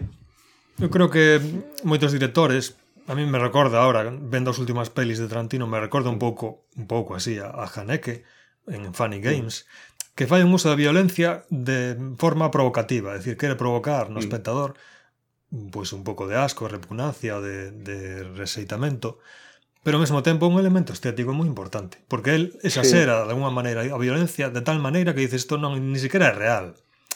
Me podo claro. abstraer un pouco e non é real, sabes? É dicir, mm. busca un pouco a linguaxe da cómic, por así decirlo, desde o meu punto sí, de vista. Sí, sí, que pre precisamente quere estilizala para que se nos damos conta de que non é real de que simplemente para disfrutar da violencia creo que, é o que se facía nas pelis de exploitation eu creo que é disfrutar da violencia non, non... Eso. Fixadevos... no sentido do, do gran griñol, vamos sí, sí. fixadevos que as mortes máis desaseradas en Tarantino ¿no? cando hai moitísima sangue cando hai suelen mm. ser eh, con personaxes odiosos ¿no? con personaxes chungos como os nazis, ¿no? os ma... que o nazi é o, o prototipo de malo, ¿no? Os nazis mm. ou eu que sei, eh, está se me ocurrindo en Django, pois os esclavistas, ¿no? Hai unha moi graciosa en Django que dispara, non sei se é unha muller, a muller do, do de Leonardo DiCaprio, que sale voando Irmá. a tipa. Eh? Que era irmá. A irmá, bueno, sí, que non me lembro Sí. ben. Pero que sale a tipa voando, eso é gracioso, hubo risas no cine, ¿no? Ese, esa violencia como catalizador, catarsis, catárquica, ¿no? Para liberar eh, casi nese rollo aristotélico de que gafapasta nos, nos está quedando isto. Eh, e despois ten outra violencia, o propio Tarantino, mm. moito máis cruda, sin exageración, na que, por exemplo, aparta a vista porque é moi chungo que lle están cortando unha, unha orella a un policía, ¿no? Eh, es, coexisten Ajá. esas dúas violencias. E eso quizáis sí. esa porque era un novato, era un, ao principios do cine, me mm. refiro. Novato, é dicir, non lle permitían certas cousas, creo, eh? Xa que falo de novato, porque vos que opinades da, da violencia da última película de Tarantino? Na escena na que entran o, os tipos a follar no chalet. Eh, eh, eh, Contanos como era a escena que Fran, non Fran, é que aquí a última de Tarantino non íbamos a falar porque porque non a vimos Vaya por Dios Pero nos contas ti a escena que... Claro, despois a, ten que ser moi desagradable para os familiares. Digamos que das máis desagradables que vinde Tarantino, eh? Sí. para entendernos. É que claro, ¿Sí? pero esa violencia desagradable tamén existe, que ahora mismo non, non claro. me lembro. Pero, por exemplo, cando matan a, a, a John Travolta, non é unha escena agradable. É unha escena seca, eh, dispara un tiro, o tío cae ali, está no váter tirado. E aí sí que non hai disfrute, non hai nada estético aí. É unha cousa que, mm. que causa rexeitamento. Sin embargo, cando matan ao propio Tarantino en Django que explota polos aires, pois a xente casi aplaude, non? É lo que... Ah, pero a ver, logo tamén te cobras estético de cando en Django a sangre está salpicada que cae sobre o algodón, ou cando en Kill Bill, ao final da primeira parte, matan a tipa, que, bueno, despois do duelo de, de espadas, cae todo moi moi bonito, co sardí japonés. Sí, claro. Hai un dedo super, super estiliza. Sí, sí. sí eh, esa, eso levanos a outra característica do seu cinema que é a linguaxe cinematográfica e precisamente o uso das cores, no? Que fixadevos que sempre utiliza cores super vivas, sobre todo cando algún personaxe de Tarantino vai a facer unha vinganza. Cando se vai vingar, fixadevos en Kill Bill vai de amarillo e copiado a a a traxe de Bruce Lee a Bruce Lee, o traxe de Bruce Lee, pero amarillo chillón, ¿no? amarillo tal mm a rapaza de Inglorious Bastards, de Malditos Bastardos, vai de vermello, no? cando se vai vingar ali de, dos nazis, ou o propio Django, que se viste con ese traxe azul bastante ridículo que parece do século XVI, no? É un azul así moi chamativo. Creo que un homenaxe a Prince. Pode ser. Pode ser un homenaxe a Prince. E tamén utiliza moito contraste nas, na, o propio contraste da, na, na escena. Si, sí, xa para empezar utiliza o sangue cunha cor moi vermella, moi vermella, moi, sí. moi contrastada, sobre todo, como decía Francisco antes, neses campos de algodón ou na neve, é dicir, busca tamén un efecto visual e eu creo que tamén aí sobra eso a, a cómic, ¿no? a, a un impacto. Mm visual. Cuida moito a, o que é a arte, no? O, e outra cousa que tamén chama bastante atención é que o tío sabe, compón bastante ben os planos, é capaz de nun diálogo eh, saltarse ese, ese cliché de plano contra plano, plano contra plano, plano contra plano, plano contra plano, e consigue un, unha escena na que non te das de conta de que está facendo corte, non te das de conta de que está facendo movimentos de cámara. Recordo, por exemplo, nas, nestas dos 90, que ben utiliza a Steadicam, que era unha novidade daquela época que se usou de forma moi exagerada, nesas escenas na que están sentados ao redor dunha mesa falando de calquer chorrada e vai movendo a cámara ao redor, podes ver como van falando e ten realmente algúns planos secuencia como algúns deste dedican en Reservoir en Pulp Fiction, por exemplo, seguindo a, a Bruce Willis por entre hmm. esas rúas dos suburbios de Los Ángeles mm. ou incluso en Reservoir Dogs ten unha que saen do almacén eh, Michael Madsen o señor eh, Loiro sae do almacén, a cámara o sigue, vai ata o coche, abre o maleteiro. Mm, ata o maleteiro, ademais. Vai ata o eh. maleteiro e logo volve. É dicir, un plano inteiro, é dicir, unha cousa que ahora mismo mm. dirán os eh, baby boomers, esta é unha chorrada, isto se vai con digital agora, pero daquela non había digital era todo creo Os baby boomers dirán eso que era eh, bueno baby boomers pero no. que chamas baby boomers perdón refírome aos milenios os milenios do século XXI con todo cariño eh É que os baby boomers son os polla viejas, eso que aí te equivocaches de termo. É que son eu tamén un pouco baby boomer. Entón, ti eres baby boomer máis aínda que os... sí, ti eres... non, non pillou o concepto finito. No, ti eres no, o líder dos baby boomers. Eu son como Tarantino, estou un pouco analóxico. É dicir, Tarantino non quere saber nada das cámaras digitais ni do cine digital, usa moi pouco CGI e tira un pouco de, da nostalgia. É que, pero xa, os oito odiosos, claro, tamén en cines, cun, eh, como era, cun tipo de fotografía que ao final non se podía apreciar máis que en tres ou catro cines, polo visto. Porque era un formato... Por os collóns que iba a facer nese... era un formato super panorámico e o tío é nostálgico, creo que é moi nostálgico de, hmm. desa xuventude súa e do cine tamén do cine. Bueno, hai que bueno, falar vamos a falar dos pés e dos maleteros ou Claro, era que iba a decir, hai que falar do, do que chamaríamos, podemos chamar plano Tarantino, ¿no? Que un plano colocando cámara dentro do maletero do coche, que Sí. está prácticamente en todas as películas. Mm, E do, despois dos pés é un rollo máis fetiche, ¿no? sí. sí, É que incluso co do maletero, eh, por exemplo, na, na escena final de Inglorious Bastards, non é un maletero, pero é un plano de Tarantino de maletero. Sí, Ni sabes, visto desde abaixo as caras dos... É un, como se chama, é un cenital, no, ao revés, un... Sí, ou en eh, Kill Bill, cando aparecen todos xuntos os que, bueno, os que ten na lista. Kill Bill... Mm. Ah, sí, sí, sí, sí. Certo. É dicir, que ten, eu creo que ten o que máis destaca que o tío ten unha personalidade propia e consigue plasmala pois nestes detallitos, mm. non? Como como utiliza a cámara, ¿no? Hmm. Como construe, como narre, como mete Después, estes diálogos. Sí que é moi de cómic porque de repente eh, che fai un plano eh, en Kill Bill estou pensando un plano dunha, cando está coa, coa rapaza coa primeira que vai a asesinar que é a negra esta que ten unha filla mm. fai un plano cenital da cociña onde está ela no que se ve a división da, das dúas partes da cociña e está con ese plano así como bastante rato sabes? Eh, mm. Eso non, non se ve así normalmente nunha, un, un plano moi de cómic E despois, por exemplo, é moi típico del quedarse cando está falando unha personaxe calquera, quedarse na cara dun, inda que haxa máis personaxes, non? Entón están falando outros, pero o plano está na cara de un. Por exemplo, en, mm. en Malditos Bastardos, na rapaza, cando están ali nunha cena, quédase solo coa rapaza, está falando todos os demais, pero quédase coa rapaza porque, claro, queres, quere que sintas un pouco que sintela que está cojonada ali porque chegou o Holanda este e a tipa tal e non, e non cambia de plano, queda toda a cena con ese plano, eso é un rollo bastante característico del tamén. Algo máis ou, ou que? No, que o tipo que han conseguido facer unha marca, é dicir, vas a ver unha peli de Tarantino, inda que o tipo xogara contra, con cada xénero distinto, diferente. Mm, sí, sí, efectivamente, conseguiu a marca Tarantino. Mm. Que é un mérito bastante gordo. ¿No? Mm. E de acordo E coa que foi, po- co- e foi copiadísimo nos anos 90. Sí, eu creo que sí. falaremos despois Sí, de Tarantino falar, Exploitation, ¿no? Sí, sí. Non, non me sale a mí tanto tanta copia de Tarantino, pero bueno, eso, eso xa, xa o falaremos.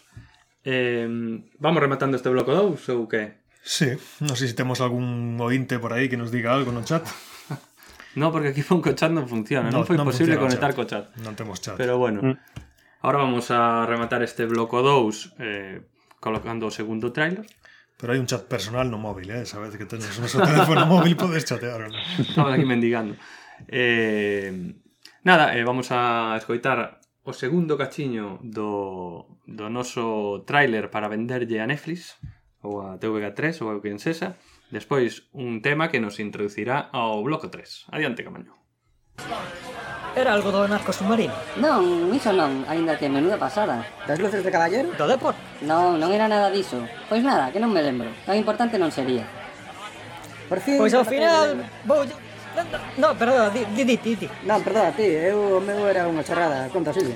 Eh, pois iso, que lle vou dicir a Berza son de topar os lingotes do cabaleiro. Hostia, o, os do pago de Fenosa? Si, sí, tía, de puta nai. Eh, bon, voulle dicir onde se fará o pago, para que vaya e os foda a todos sí, hostia, joder. Así verzas solteras súa vinganza, tía túa. Que se joda ese fillo de puta de cabaleiro. Brinda aquí, nena. Bueno, ben, deixemos de falar disto, que a ver que nos ven aí, eh? Eva, ti que ias dicir? E que agora compardo co teu... Veña, Evi, que era? Nada, que por fin rematei de ler O Señor dos Anéis. A que mola. Que puta pasada de libro eu leo cada ano. Non me fodades, rapazas. Que pasa, Nasi? Non che mola? Non sei se me mola ou non, pero Tolkien era un puto misóxino e un comunista. Pero que dis? De onde sacas esa merda, nena? A ver, escoitad. O de misóxino é obvio e ni siquiera me vou a parar a explicando. Movedes eses pus de porcas e investigades un chisco. O outro é máis complexo. Fixaríades vos en que os orcos son proletarios, non? Eh? Como? Pois iso, que son currelas, choian nas fábricas de Mordor e Isengard. Pero joder, fulanas, se ata teñen un número cada un e fichan a outrar e os aíben. Se acabas de ler o puto libro. Bueno, eu... Os orcos son a visión que o puto Tolkien ten do home subxugado ao capital, que é Sauron. E o anel representa a cobiza que o capitalismo utiliza para manter cegos aos seus subordinados. Seguideme. Saruman é o empresario, o dono das fábricas. Entón, por oposición, Aragorn é Lenin, que quere acabar co capital. E Gandalf é Marx. Gandalf é o puto Karl asesino de mil millóns de persoas Marx, joder. Uf, Como andan as cabeciñas? E quen soluciona a papeleta? O un puto mindundi, un calquera, un proletario, un proletario non convertido a capital, un comunista. Non o vedes outro? E eh, veña, imos por chollo que nos pasamos de hora. Putas analfabetas. Ei, quen non puso propina?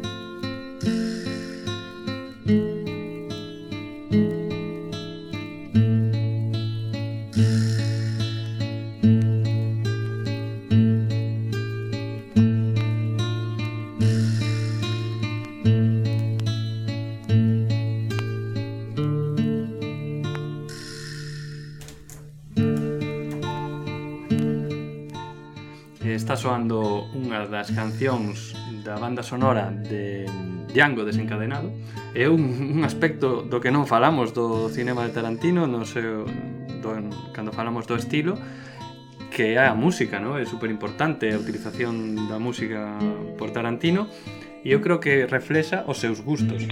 Tarantino que fai nas súas películas pon as, as, as cancións que a él lle gustan e que pensa que poden quedar mellor co seu mm. no seu cine, non? Eh, digamos que hai unha... Eu creo que a veces se excede. Decía Francisco antes que non, non se compara con Leone polo tema dos silencios e Tarantino a veces é incapaz de ter unha escena sin música e, e mete varias cortes musicais en tan pouco tempo mm. que crea unha especie de pupurri extraño de videoclip tras videoclip tras videoclip que a mí me desagrada un pouco.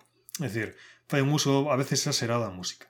Outras veces acertado, pero Eu creo que mm. usa demasiado a música. Sobre todo de forma moi pouco coherente, porque colle músicas de dalle igual a película, o estilo, es decir, mete, mezcla, mistura e todo. Sí, aí hai controversia, certo, porque po, houve controversia sobre todo con eh, Glorious Bastards, de poñer unha canción esta de Bowie, ou eh, coa de Django, de poñer estas cancións de hip hop, porque parece como en plan de que fai estas cancións nunhas pelis que se supón que son de época, por así decirlo pero para mí non quedan tan mal realmente. Para Está... mí tampouco.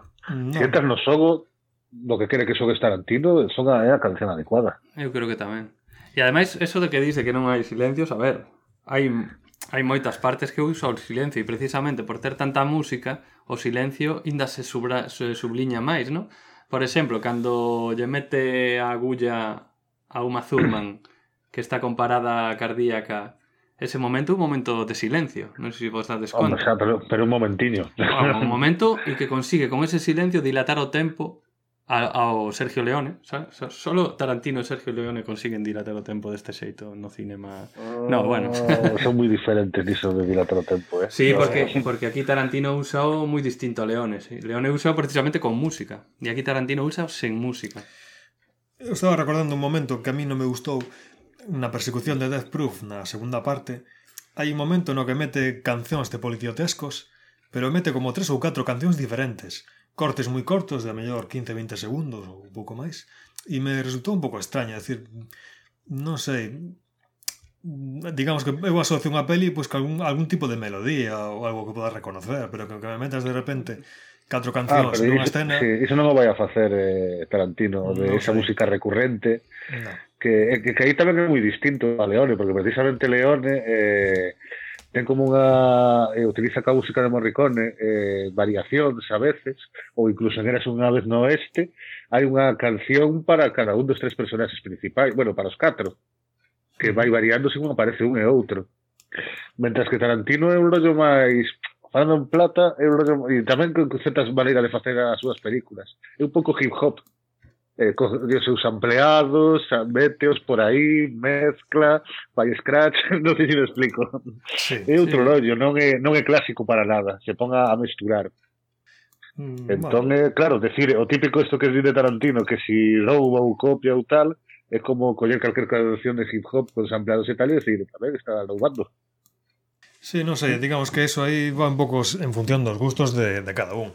A min por momentos me gusta, pero por outros me chirría tanto que, non sei, me, me incomoda bastante. Pero ti cando se fala de música finín, como tes unha relación un pouco rara coa música tampouco, se podíamos ter... Eh? Iso é certo. Eh? Sí, bueno. Iso é certo, o de finín. Nah, solo quería decir así que, eh, que coa música de Tarantino que selecciona moi ben os temas e eh, as bandas sonoras eh, xa de por sí cando colles eh, a banda sonora ao disco eh, a pos eh, xa funciona por sí mismo tamén porque hasta podría ser DJ casi porque sí que rescata tamén un mogollón de, de cancións temas que acaban sendo hits eh, gracias a él de por, por, hmm. por, seleccionalo e hmm. poñelo nunha película, non? Sí, sí, estamos pensando no Urch Overkill, por exemplo, sí. que foi número un, creo, despois de, de sair. Sí, por iso, que realmente sí que eh, así bastante potente as súas mm. recopilacións. É que hai mogollón decir. de cancións que conocemos por Tarantino, mm. eh? sí, sí, sí. pero mogollón. Sí. Que sin Tarantino non as conoceríamos, por lo menos aquí, non sei, en Estados Unidos igual son máis coñecidas. Pero aquí é que se vendían as bandas sonoras das películas, que uno non lembraba de comprar de, comprar bandas sonoras dunha peli máis que as de Tarantino. As de Tarantino. Hmm. Bueno, vamos a comezar o bloco 3, que é o do concurso oposición de películas de Tarantino. Entón vamos a empezar por o que chamamos eh, paleo tarantinesco, ¿no? Palo, ou paleo tarantiniano, que son as súas tres primeiras películas, eh, Reservoir Dogs, Pulp Fiction e eh, Jackie Brown. Alguén vai eh, falar, pois, pues, por exemplo, de Reservoir Dogs e vai dicir eh, pros, outro pode dicir contras, o que lle pareza a cada un, e despois votamos dun ou cinco, como na fotogramas, no? Cinco estrelas, unha, dúas, tres, catro ou cinco. E a Finín vai anotar aquí, e despois facemos unha media así ponderada. Así que comezamos pola primeira película de Tarantino que é Reservoir Dogs, e quen quere falar así de Reservoir Dogs para, para o que queira, para defendela ou para atacala? Eu defendería. Pois pues, veña. Bueno, defendería porque habín outro día despois de mm, tropecentos mil anos sin vela e ten varios puntos ao seu favor. Un deles, o máis importante, é a metrase. Dura hora e media.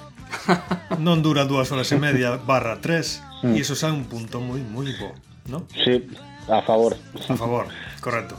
Seguinte. Ten eh, unha trama moi noir, moi de incluso, bueno, algo de gangsters, pero ten ese rollo noir que o convirte nunha peli moi clásica. O sea, para empezar. Mm.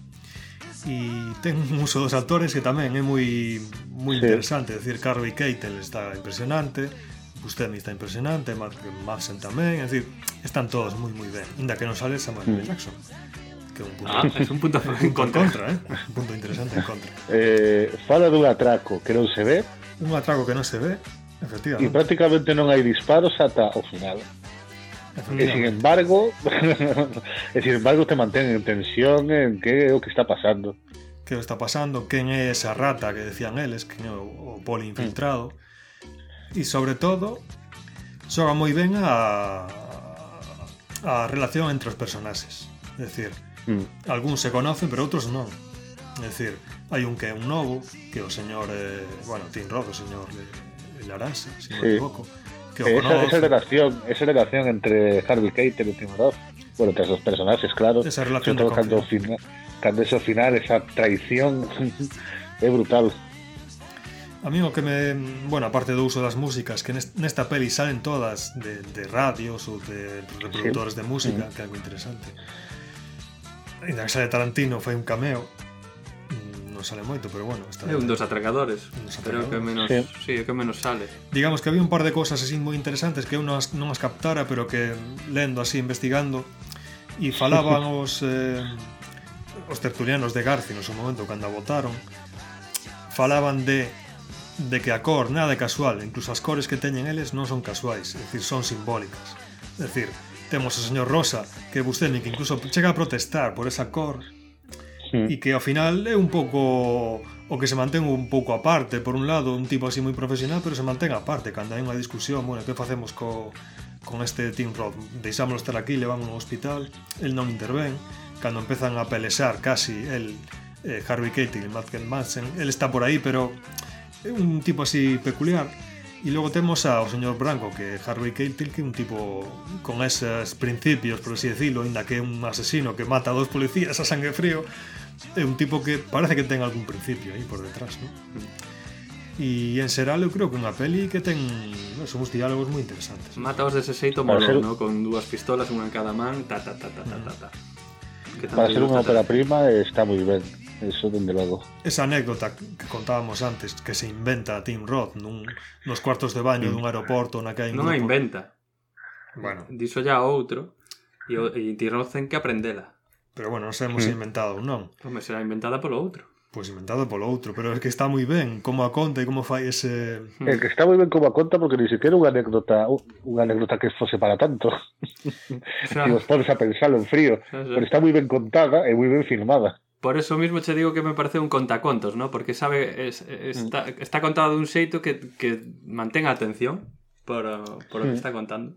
E, bueno, tamén hai que destacar a este actor veterano, a Lawrence Tierney, que ao parecer daba bastantes problemas na rodaxe porque se olvidaba as liñas, ah. un día o pillaron, bueno, bebido o coche, sí. entón detiveron, o tipo casi se mata a piñas aí con Tarantino, era un pouco así bullero. E, bueno, tamén destacar este Sean, Sean Penn, no, Chris Penn, que é o irmán de, Penn. de Sean Penn, que foi bastante ben, e que é o único que, ademais, non vai en vai en chándal, e ten unha razón de ser, que non vou dicir. Por que non? Día. Porque, non, non, que o pense o espectador. Non, non, día. Ma, que se dicir a Filipe. Bueno, unha hipótese é que él, como é o fillo de Laura o sea, Estiano, non sabes. o fillo do gangster, son hipóteses. Está empezando a tomar as rendas do negocio familiar, pero que a caga. É dicir, en un tipo que este a altura porque ficha ou participa na fichase do señor Orange, que é un policía, e ademais introduce no golpe a Michael Massen, que está como unha regadeira. Vai en chándal porque non é profesional. Porque non é profesional, quizás. É un torpe. É unha especie A ver, de... non levo ao traxe deles porque él non vai ir ao, ao atraco. Mm, bueno, pero... É un nepotismo. Digamos Hombre, que... Vai, eh, eu creo que vai en chándal porque é o uniforme de mafioso italiano sí, sí. de Los Soprano. Claro, por exemplo, él... que iban en chándal. E él non vai ao atraco. No, non, vai, non vai vestido así porque Pero digamos que sería unha visión, se queres buscarlle simbolosías e outros significados. Claro, por buscarlle. Sería unha visión, non? como, como as pistas Pode que vais... buscarle, pero non hai, Phoenix, non hai. Bueno, eu trato bueno, de, pode ser que haxa. Trato de darlle, non? Porque non, non lle quites a ilusión. As a pistas que dan para determinar quen é o infiltrado, non? Como hai algún plano... Bueno, que hai, hai máis películas, hai dúas películas máis. Efectivamente. A ver, alguén pode decir algo malo desta película? Ou todo é bo? Todo bastante bo. Habrá algo malo por, por decir algo, non, que realmente non é nada malo, ¿no? que, que é algo pequeno, ¿no? algo como artesanal é unha película Sí, pero daí ao final eh, eh, eso axuda a que sea tan boa precisamente. Precisamente, creo que, que da, sí. Como se di, da, da necesidade de sacar virtude. É o que mm. fan esa peli. Pero non ten nada así como grandilocuente, ¿no? Faloche artísticamente, no. non, non te falo de efectos especiales ni nada. No, é que, que está todo antes, ben feito. fala dun atraco que non se ve. Sí, sí, no, que está moi ben feito, é un moi moi bo guión para min, é moi moi bo guión que te mantén de, na película de un principio ao final e, e, e eso que está moi ben feita, pero claro, non chega a niveles de, de gran obra de arte para mí. Mm. Porque, por, precisamente porque eso, porque é unha cousa pequena, feita, moi ben feita, pero xa está. Sí, a ver, é difícil quitarlle a etiqueta de ópera prima, non? É dicir, é así, a primeira, mm. non podes decir eh, que xa esa, bueno, unha película, eh, non sei, dun director que xa teña unha sí, bagaza, non? ¿no? Sí. Mm. Vale, votamos entón. Eu de entón. todos, de todos xeito, sendo ópera prima, eh, a considero mellor que a mitad das que a mitad ou máis a mitad das pelis que fixo despois. Si, sí, é igual, eh? o sea, eu, para mí é das mellores, eh, evidentemente. Pode ser, ah. pode ser, non o sei. Veremos agora coas puntuacións que, que, que van a ir a misa. Nada, eh, Fini, empeza a votar ti. Di. Vale, eu di un 5. Un 5 sobre 5? Sobre 5. Vale, é un 3. Mm. Claro, son como, como Jordi Costa. Tío, aquí... Canto, canto. É un Cinco. 5 tamén, Cinco. venga. Joder, macho. Sabes que 5 é o máximo, ¿no? Bueno, a ver, Sí, sí. non, non quero reventar a estadística, vou a dar un 4. Moi ben, Camaño. Total, 5, 10, 14, 17. Moi ben, 17. 17. Si alguén quere votar, que, no- que nos poña aí no, no chat, que non nos funciona. Creo que non nos funciona, pero... Pero bueno, aquí, aquí pon que non, que non vai. Nada, seguimos, continuamos. Seguinte película, Pulp Fiction. Empeza, por exemplo, Fran, esta vez fala ti con pros, contras Vale, ou que queira. vou decir, o, o mellor sí, o mellor é un popular opinion, pero sobrevalorada. Uh, no, por qué?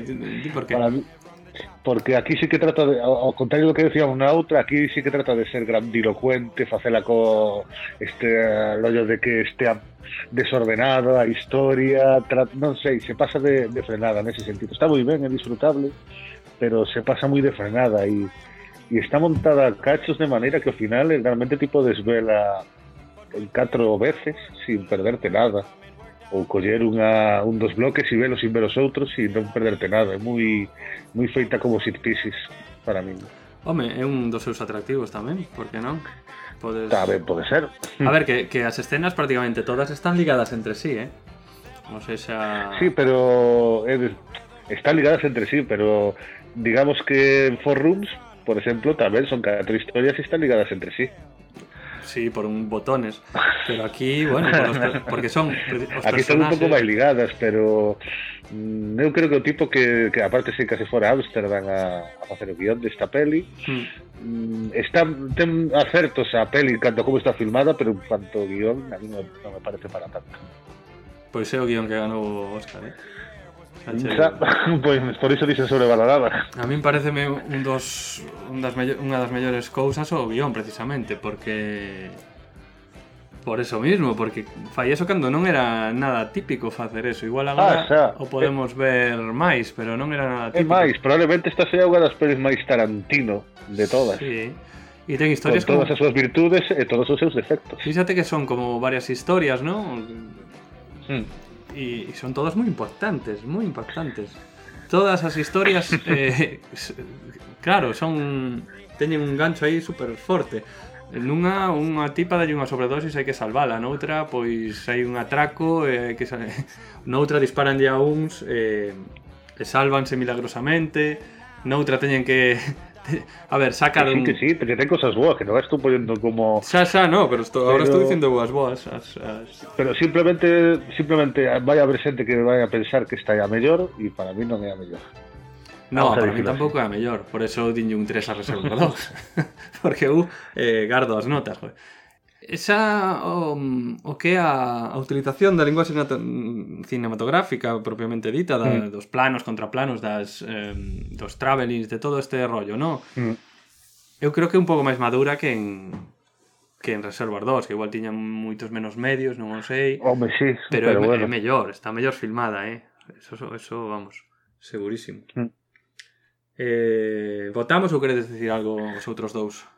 A ver, eu o que podo dicir é que no, eh, cando saiu a peli eh, nos 90, os que nos considerábamos modernos fai 20 anos, os hipsters da época, foi como, uf, eh, el Foi eh, que rompedora. moderno, que cousa sí, tal. Sí. Ahora, mm. 20 anos despois ou algo máis, pois non me envelleceu tan ben. Sí que miro os excesos, no? eh, demasiado exercicio de, de estilo exagerado, o sea, casi mm. Tarantino parece parodiarse cando con todas as, as súas virtudes aí exagerándoas en plan diálogos, situacións... Eh, sí, é que un mundo moi grotesco, eh, A Aparte por, por un exemplo de, decir de fai 20 anos, fai 20 anos, os nos de fai 20 anos, Airbag nos parecía unha peli de la hostia, é unha merda.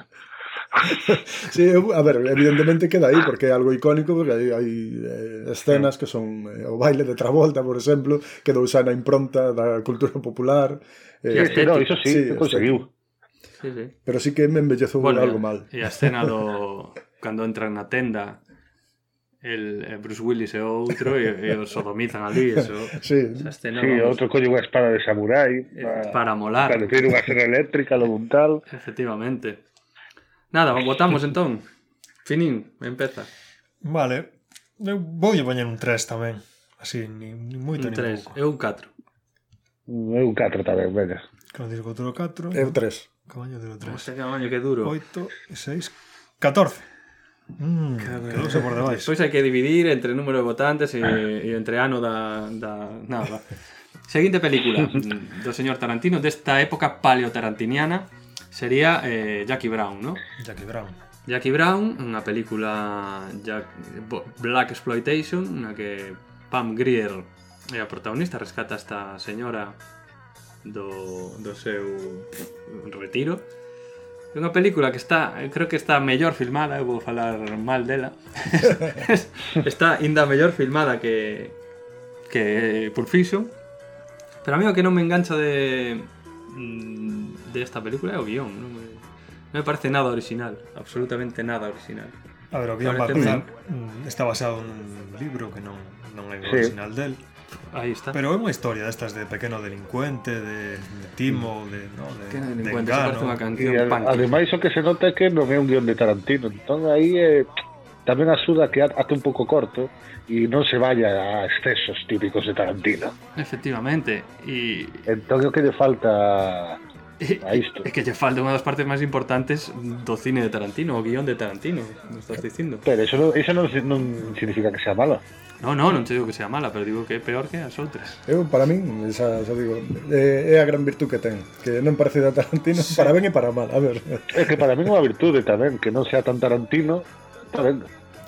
Eu creo que aí se olvida de, é que Tarantino ten a tendencia a recrearse moi, a moito e a facer cousas que lle molen a ele e nesta precisamente fai cousas que lle molen mm. ao espectador e onde se recrea máis eh, na e nos actores, eu creo que aquí os actores están fenomenal, desde Samuel L. Jackson que fai un papel impresionante impresionante, que pode ser un tipo así que parece así simpático te, e, e ao mesmo tempo lanza unhas miradas que é un auténtico psicópata, un louco, un, louco, non? un asasino sin piedade e os dous actores principales, non? como Pangrier e Robert Foster no que fan unha Claro, Robert Foster que o fai moi ben, eh, tamén. Moi moi casi moi moi creíble, no, de, de xente xa que un pouco maior, sobre todo, eh, Robert Foster, e que atopan aí como unha especie de de alter ego, por así decirlo, unha, unha, unha persona que que o entende ou que se entenden perfectamente, no? E unha relación aí moi moi interesante entre eles.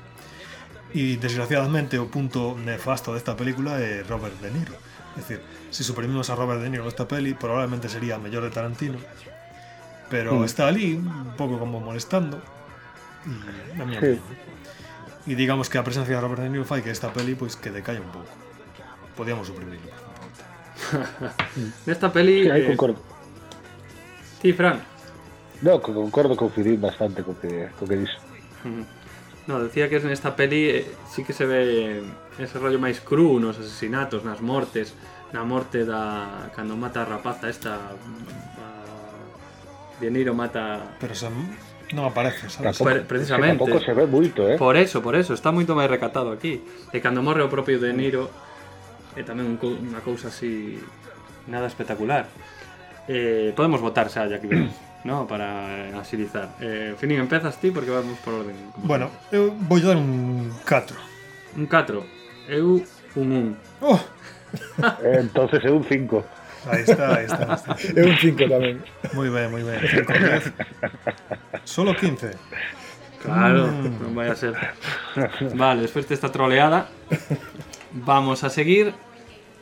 Eh, co seguinte, co tarantiniano, ¿no? Acabamos esta primera etapa que pusemos así todas porque sí que teñen un, certa coherencia. Un, certo, un certo aire, son delincuentes todos, os, bueno, pois pues, Tramas no mundo así. actual, similares. Non son de xénero xénero, salvo a Black Exploitation, pero tampouco tal.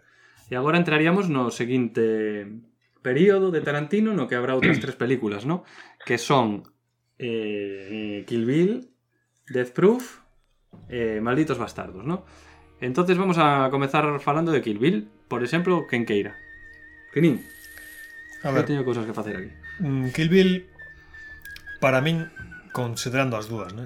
creo que é a mesma peli, para min é a peor, con diferencia a peor peli de Tarantino. Bueno, estaría un pouco discutido, pero bueno. Por qué? Porque o que decías ti, Francisco, para min son como un, un pupurri de, de moitas cousas e de que quero ser molón, teño que darlle moita importancia á cuestión estética, Uf, y a veces vale, eso a mí... No, no, son tan visceral como para considerar a peor, tío. Bueno, pero para mí... Para mí é a que menos me gusta ver, é dicir, non soportaría para mí un segundo visionado, é dicir, ten un montón de escenas deslavazadas nas que hai aspectos estéticos moi que son os que lle dan máis importancia. Pero se me fai moi largo, moi pesada, esas escenas que a veces non rematan, eses diálogos que me aburren. Non se me ocurre decir algo. Podería bonito. ser máis, podería ser máis corta, pero eu creo que dentro do que cabe tampouco ten máis pretensións que eso, facer unha peli de Kung Fu, de Samurai, casa hostias. Pero- Entonces tampouco... Non a fagas de É 4 dicir, horas. Eh, que, cal é o problema? Que está feito en dúas partes porque dura 4 horas e pico todo xunto.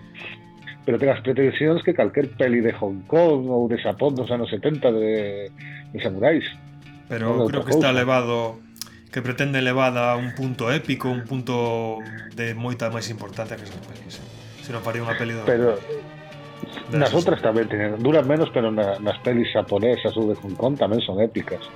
O mira as pelis de John Woo, tío, aí o servito épico que teñen con The Killer e tal. É dicir, é o que quería facer. Está defendendo Frank Kill Bill. Está defendendo Frank, moi ben. Iba a defender, pero dalle por... É que non vou a cagar por outras, eh? A mí Kill Bill me, me gusta, eu disfrutei Kill Bill. Kill Bill é a mellor. Eh... A ver, está...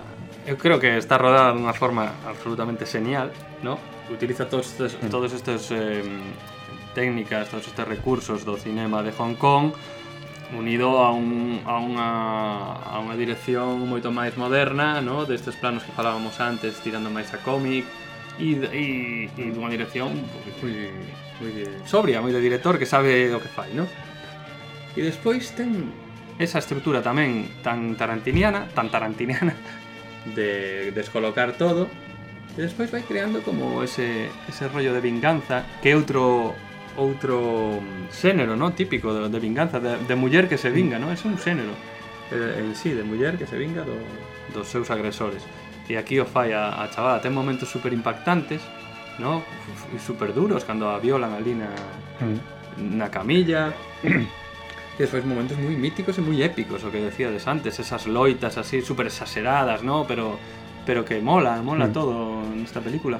Sale a, a chavala dun, dun cadaleito enterrada a non sei cantos metros e ese final absolutamente maravilloso donde David Carradine lle explica nun diálogo hipertarantiniano a, a Uma Thurman que, que Superman é o, o único superhéroe que mm. non se disfraza, ¿no? que se disfraza de humano e o traxe de Superman é o seu traxe, ¿no? ese, ese diálogo.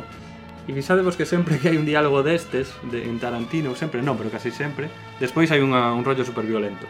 ¿no?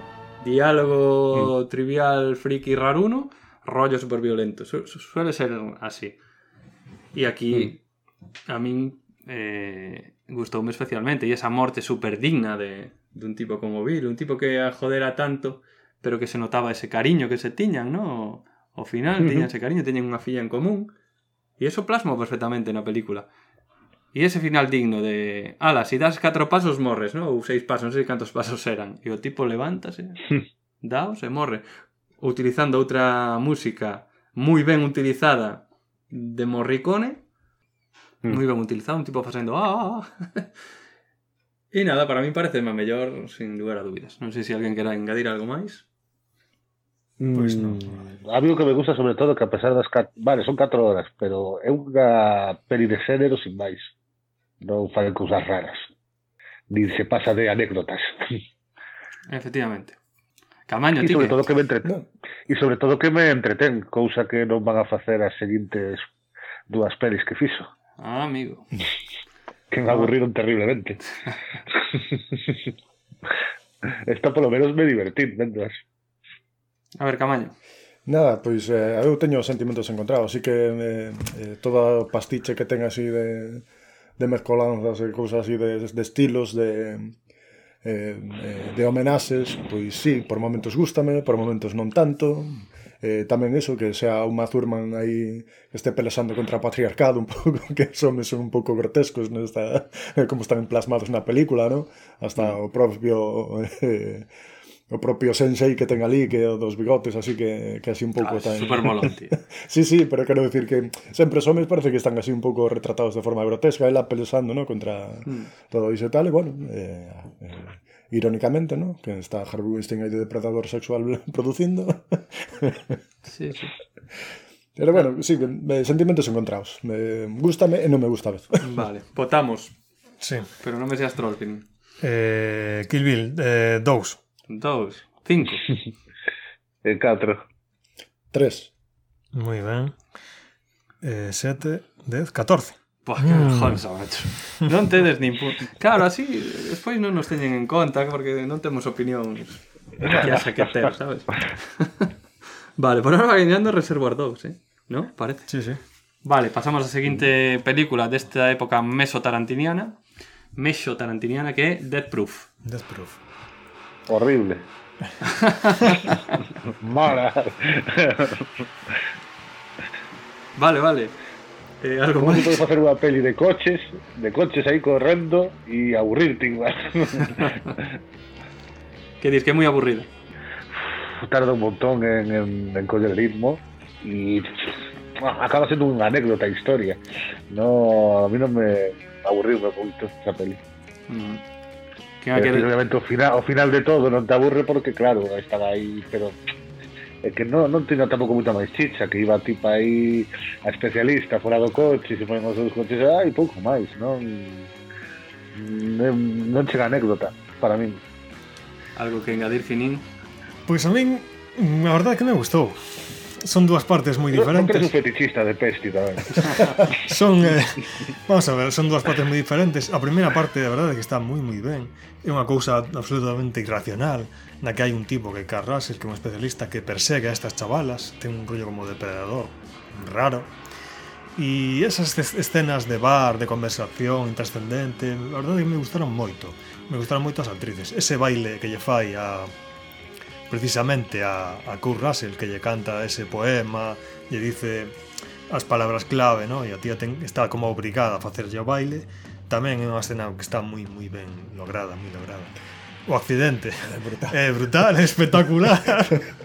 e logo a segunda parte é como unha repetición do mesmo, pero dándolle a volta. E mete esa, esa escena no, cando están almorzando e falando de chorradas de xa tía que de, de Nova Zelanda, de tonterías, que me parece unha escena absolutamente intrascendente pero absolutamente señal, te ven rodada e logo a escena final da persecución na que sale unha especie de caricatura de Carl Russell espectacular, é dicir, fai un traballo de doble especialista moi bo e logo é unha excusa para unha carreira de coches, basicamente E para darlle unhas hostias ao final tamén. Para darlle unhas hostias, vale, pero pero que foi dirigible. Parece, esa sí que me parece que Ahí non te gastes. Choromicando Kardashian. Como que Carrasel choromicando? No.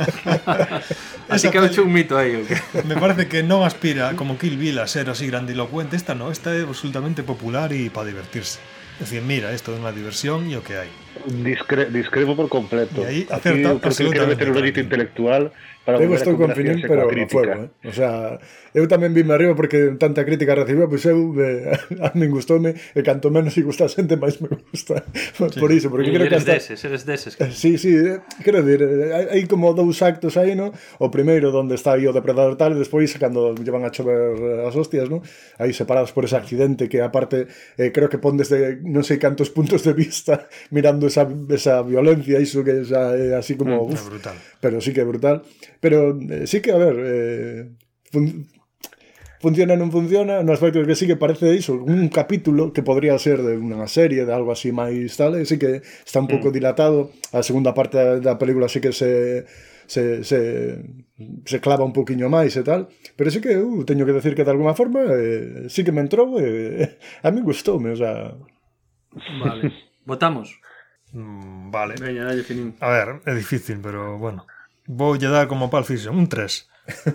O sea, está, está ver, diciendo que está de puta madre. dalle un Pero tres. que teño que... Veña, un 3 eu tamén. Non llevaba un 5, hombre.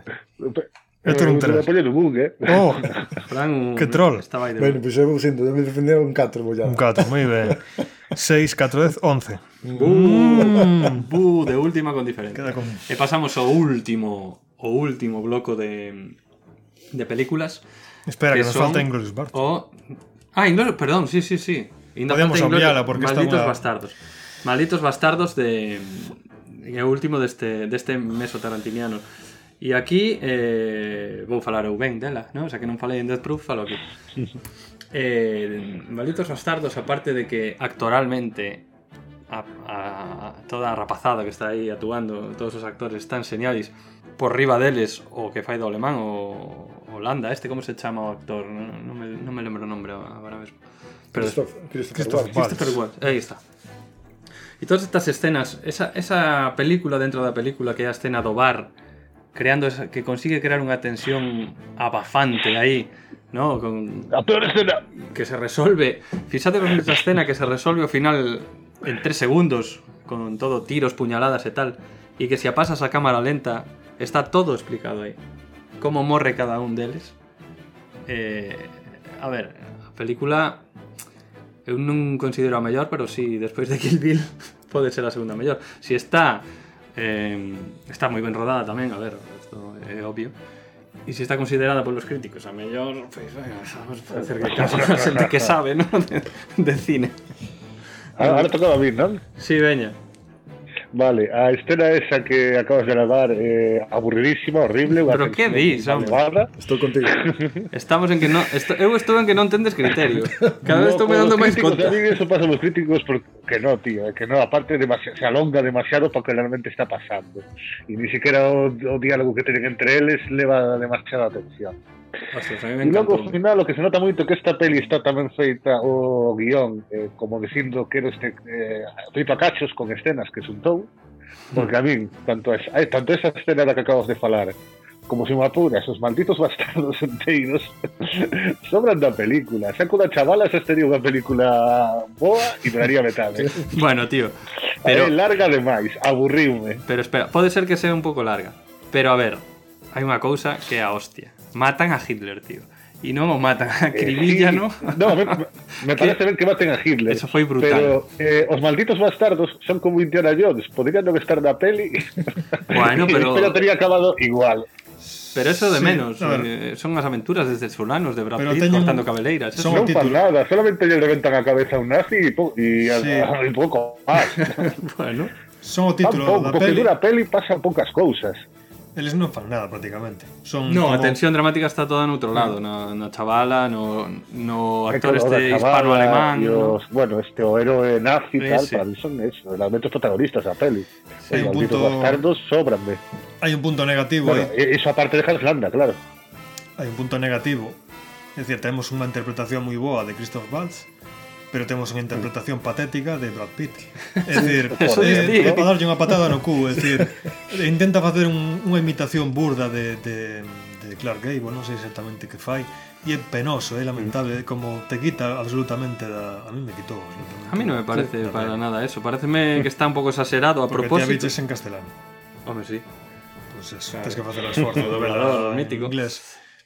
Pero É moi lamentable, Pareceme que está exagerado a propósito él, pero porque o papel porque a peli é exagerada ela polo menos na súa sí, parte que ten que facer como de paleta de Letsky que odia os nazis pero sí. pero tamén ten uns buracos de guión que son insalvables é dicir para min ese que fagan esa masacre nun teatro e que a escolta de Hitler e de Goebbels se limite a dous fulanos no palco pero a Tarantino importa un carallo. Mm. Me parece un pouco forzado. Non podes buscar ese, ese Muy tipo de buratos. No, nestas sí, sí. películas. No, no, no, no. Para nada. Que unha película que matan a Hitler, o sea que rigor cero, non podes ir buscando ese tipo de historias. A ver, penso eu, eh. Non, no, no, y- que maten a Hitler me, no me desagrada ni me por eso, es, Ah, é moi, pero, pero me positivo. sobra media pe- pero me sobra media película. E esa masacre que están homenaxeando realmente outra peli que a algo un- o tren de Katanga ou algo así, un- que pasa algo moi parecido cando están A disparando desde arriba. A, a 12 do patíbulo, que na, tamén ao final de todo teñen ali os oficiais nazis metidos como atrapados e os acribillan. Sí, tamén, tamén, é verdad que lles meten ali as bombas. Sí, ten un, un aire dese de venganza contra os nazis. E de ensañarse cos, con eles, ¿no? E técnicamente eu creo que a mellor, eh? técnicamente en todo, fotografía, todo ese rollo, ¿no? Creo que, bueno, está odioso soito tamén. Bueno, andan aí. Eh, votamos? Ou Car- Camaño quere falar? Nah, eu só iba a decir que aquí cando empezou xa o meu interés por Tarantino a decaer. Sí, a mí tamén, verdad, con Kill Bill e con estas, adiós. A ver, entón votamos, Finín. Eh, Como vou diría- dar un 2. Vale. Cinco. Eh, un dous tamén. Tres. 5, 7, 9, 12. Bien, de momento é Salvamos a daquela. casi a peor, casi a peor. Nada, pois agora sí que rematamos con meso tarantiniano e imos comenzar co neo tarantiniano que serían eh, Django desencanchanding Django desencadenado eh, Odiosos 8 que son dous westerns ainda que o dos Odiosos 8 non é un western según Frank. Eh, Eras unha vez en Hollywood. Vale, comezamos con Django. E por exemplo, pois Frank, falas ti de Django que? Mm, sí, despois de aburrirme coas dúas anteriores, por fin Django me entreteu algo. e aí xa vai un pouco tamén, eh, é como como pasaba con Kirby, xa vamos a facer algo de xénero aí sin eh, cousas raras, aparte da de citarse na escravitude e tal, y joder, a mí divertirme, entretirme. Uh -huh. Quizás eh, se alongue un pouco demais con ese falso final que logo hai ata o final definitivo que se fai un pouco raro, anticlimático, non acaba de estar ben engarzado, pero polo demais, ben. Aparte, aí o, o Leonardo DiCaprio fai moi ben. Eu creo que tamén. Mas, eh, Samuel L. Jackson eh, de malo da peli, porque realmente un malo da peli Samuel L. Jackson, que ese personaxe mola moito. Mm. E o alemán, o alemán que tamén está aquí, o Christopher mm. Waltz, tamén. Sí, sí. Aquí pero bueno, que... hai, hai... Non, non me desentona, pero está facendo o mismo papel, solo que sendo bo. Bueno, para min fai un outro papel distinto, pero bueno. Eh, o que para non está... Fai de Harslanda, bo, que bueno. fai ben, vale, está ben, encaixa ben. Non sei, eu non diría tanto. O que non está moi alá é o prota para min. Tampouco. No. Pero, bueno, tampouco que este mal, pero... É moi soso. A ver, Para min, eh. Digamos que, no, que o lado positivo son os actores, especialmente L. Jackson e, e DiCaprio, pero que este tío prota é moi soso, é moi ano- anodino. A min non me, non me inspirou nin nada. Me, me pareceu un pouco olvidable. E Eu logo o, ca o cameo... adrede, que sea que perdón, decía, eu creo que está feito adrede o de escoller os Jamie Foxx e que teña ese toque como de sabes, como de cantante de hijopero pero outra cousa que non encaixe Non, para min non pega, non é porque se... A ver, o prota da igual se é negro ou non, eso de menos. Pero que non, mm. non me gustou, tío, non me, non me atraiu. Logo, o cameo que fai Tarantino é para darle tamén un par de lavazadas. A mí me encantou, tío. E digamos que en xeral esta peli me gustou ata que hai un tiroteo, ¿no? e morre Christopher Waltz, precisamente. Porque chega un punto no que se desmadra tanto que me saín completamente da película. pois pues ese desmadre o, é o, non sei, o, o cenit da, da pois película. Pois pues non me gustou, precisamente. É o punto climático. Me gustou a escena anterior, cando están na mansión, cando están na mm. cena, mm. na comida, etc. Todo está moi ben construído, pero esa parte, precisamente... Eu penso unha peli irregular, irregular. Ten momentos mm. moi bons e momentos máis aburridos. Non o sei. Camaño. Eh, eu xa te digo, aquí xa empecé a desconectar con Tarantino totalmente porque xa me non enganchei coa peli en ningún momento. Si sí que iso, os actores evidentemente están estupendos, mm. pero é o único que, que xa me agarraba para intentar defender algo non, non conseguín xa, bueno, remontarme. Sí. Votamos entón. Tamén que non me gustou a, uh. o pupurri musical tampouco, pero bueno. Eu voulle dar un... Ai, pois pues a música está moi ben, eh? Cuidado. Dous. Un dous, vaya por aí. Ah, Uah, un 4. Espera, que antes teño que darlle eu. Que pasa? Eh, é un 4 tamén. E ti, Camaño? 2. Mm. 12. Bueno, se queda aí entre as... Ah, dura a cousa. Entre as baixas, non? Vale, pasamos aos odiosos 8 que é unha película, como dixestes antes, máis eh, un, parece un thriller que un, que un western, non? Sí, que pero bueno, este? é un, é un western, realmente por decir mm, algo. Podría estar no, non sei, estar noutro escenario, estar en Francia, estar en China e a historia non cambiaría para sí, nada. Para funciona igual, sí, sí, sí. Mm, pero bueno, creo que aquí tamén hai que destacar os actores, é dicir, Samuel L. Jackson está espectacular. hay un que se llama, no me acuerdo ahora, Walter Grobbins o Walter Bobbins, creo que sí. o sheriff, que, que se dice que ah, es sheriff, genial, sí. que está muy, muy bien. Sí. E incluso Kurt Russell está muy bien, es decir, y e sobre todo él, Jennifer Jason incluso Kurt Russell, Jennifer con malo que es. no, él Jennifer Jason Lake está genial, está fantástica. Mm. Y en general todos los actores, es decir, me gustó mucho en ese sentido. Luego ambientación, a fotografía, como vai contando historia, como vai creando eses momentos mm, como cando lle conta a Bruce Dern como se atopou co seu fillo, despelotou, se camiñan polo seu, é, é espectacular como conta esa historia, esa anécdota, ¿no? para provocalo. Entón, nese sentido, eu creo que me, re, me reatopei co anterior Tarantino, é dicir, me gustou bastante nese sentido. En como conta, como conta moi ben unha historia. Eu estou bastante de acordo con Finín, así que non vou engadir nada. Fran? No. O único me, me chirei un pouquinho a... Bueno, aquí spoiler, o que hai no Soto. Sí. me pareceu un pouco tramposo, en plan, eh, esto guardarte isto hasta o final, pero va, en xeral me, o, me gustoume a, a peli, está moi ben. Eu comino con patatas, iso. Camaño pon cara de, de besugo, que? No, a ver, eu creo que máis ou menos do intro, esta así, escena intro, xa quedei, pff, xa estamos outra vez con Tarantino. Xa, eh, sinto, pero iso sí, actores maravillosos, que iso sempre será fantástico, e eh, iso, as virtudes de Tarantino son as que son, eh, pero xa, pff, O sea, Camaño, xa non lle compro nada máis. Camaño teu con, con Tarantino foi unha degradación constante, sí, sí, no? Sí, sí. De, de, ainda, da cima a cara baixo sempre. Eh, ainda queda aquí o esta de, de Hollywood, a ver que pasa, pero Veo como bueno, estás a... Votamos esta entón. Sí, bueno, eu vou dar un 4. Eu tamén, 4. Mm, vale, un 4, espero que Cabaño vote baixo. Na, eu vou votar un 1, o sea, oh. porque xa sabes que non. entón un 13. 13, mal número sin non crece.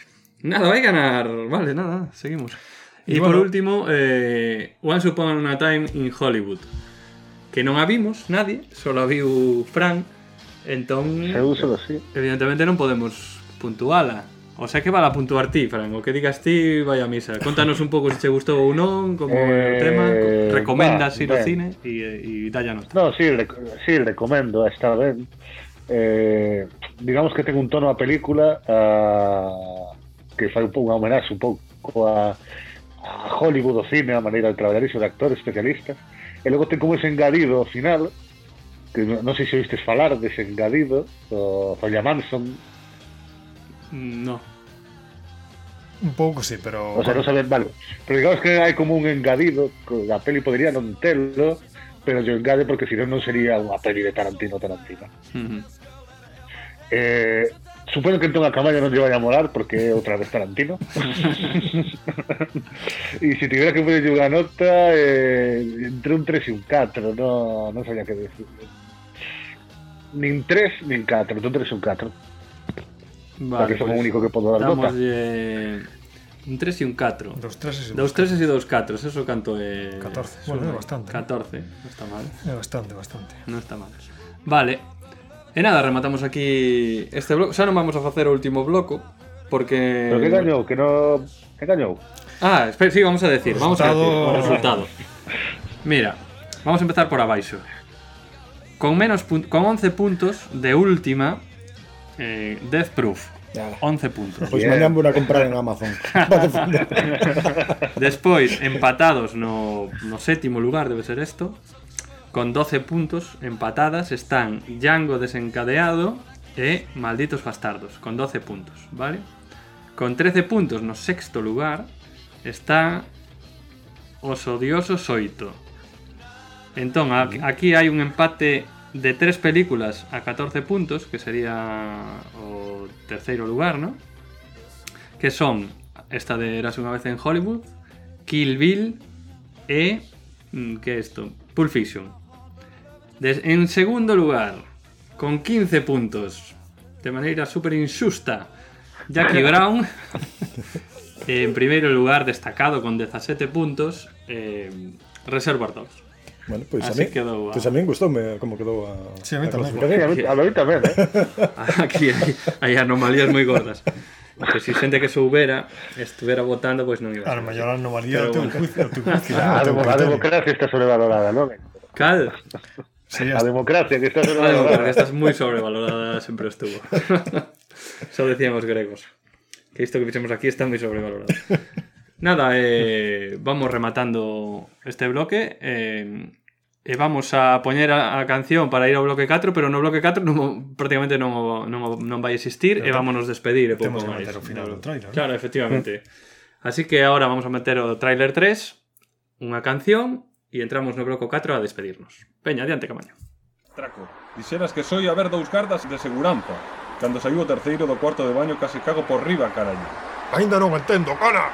O meu informante foi moi claro ao respecto diso. O teu informante é un falabarato de merda. Deixa que colla adiante, vai cagar dentes das hostias que vai levar, fillo de puta. Pero non biches, meu. Acabamos de asistir a unha puta milagre. O carallo do garda atirou contra nós, vadirou todas as balas da pistola, e seguimos vivos. Foi como se o puto San Andrés de Teixido baixara a terra de diversos disparos. Pudemos acabar na pataqueira, cago en Cristo bendito. Aquí non pasou nada, cago na virgen. O fulano viña coa pistola na man e coa outra ia subindo os calzóns. Un chaiñas de carallo, e morra o conto. Non sei, John. Eu sentín algo espiritual, sabes? E como estintilaban os lingotes de ouro abrimos o maletín? Iso non era normal. Son lingotes de ouro ledo ou que? Cago en diola. Mira, chin, tes me a tocarallo coas túas fantasías. Voltache mesturar licor café con estramonio ou que? Puto son que arromba coches, este é o derradeiro traballo para o que te chamo. Un changui que podías ter, un traballo doado e atopas a maneira de jodelo. Cago na cona que te botou. Perdóame, John, confía en min, non, non voltará a pasar cago na puta. Pois agora imos subir ao carro, pero ti vas no maleteiro, por conainas. Veña, sube dunha hostia dunha vez, cago no dios que te fixo. Pero que dis? Non te quixen amolar, John. Perdoa, tío. Cago no carallo. E outra vez a chamarme John. Chámame señor Cerdeira. E ti eso señor Sabugueiro, e vas te meter no maleteiro. E eu vou meterche unha bala polo cu. Cago ate nos cravos de Cristo. Cago en Dios. Adentro.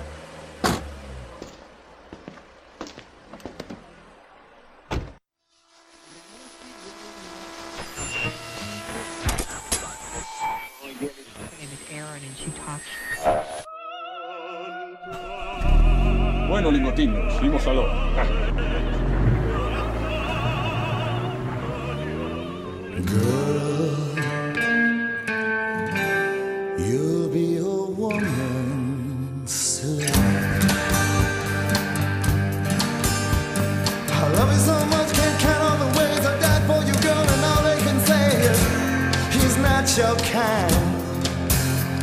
They never get tired of putting me down,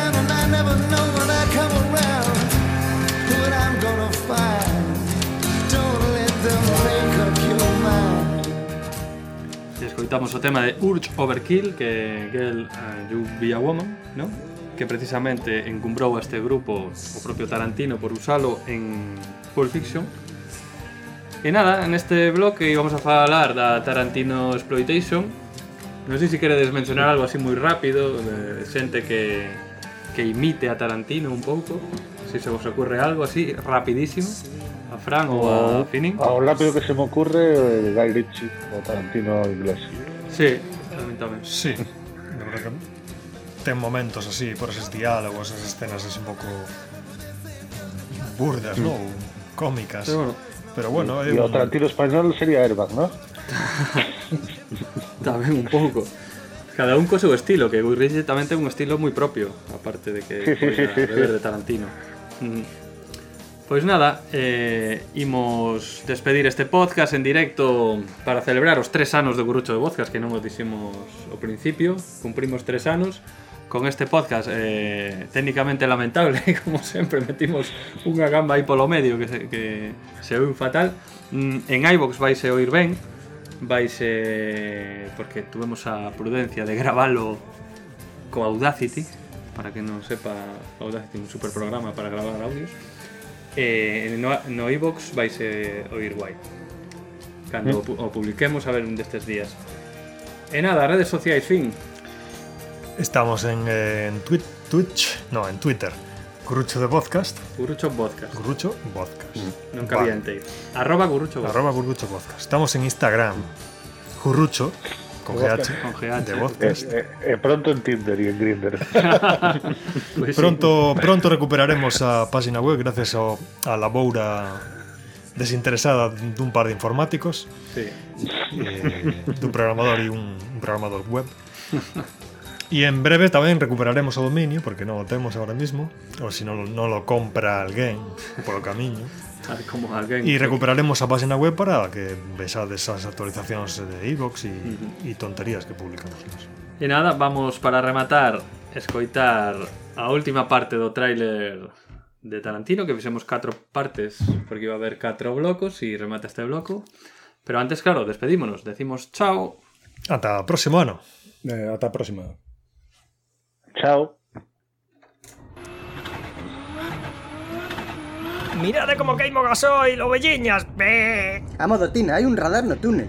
O radar pásamo pola cona e logo paseñe unha toalla para secalo. Puta fedorenta, non ves que nos imos matar? O se teño unha cita con Johnny e non quero ter que meterlle a man no cu nas emerxencias de Povisa.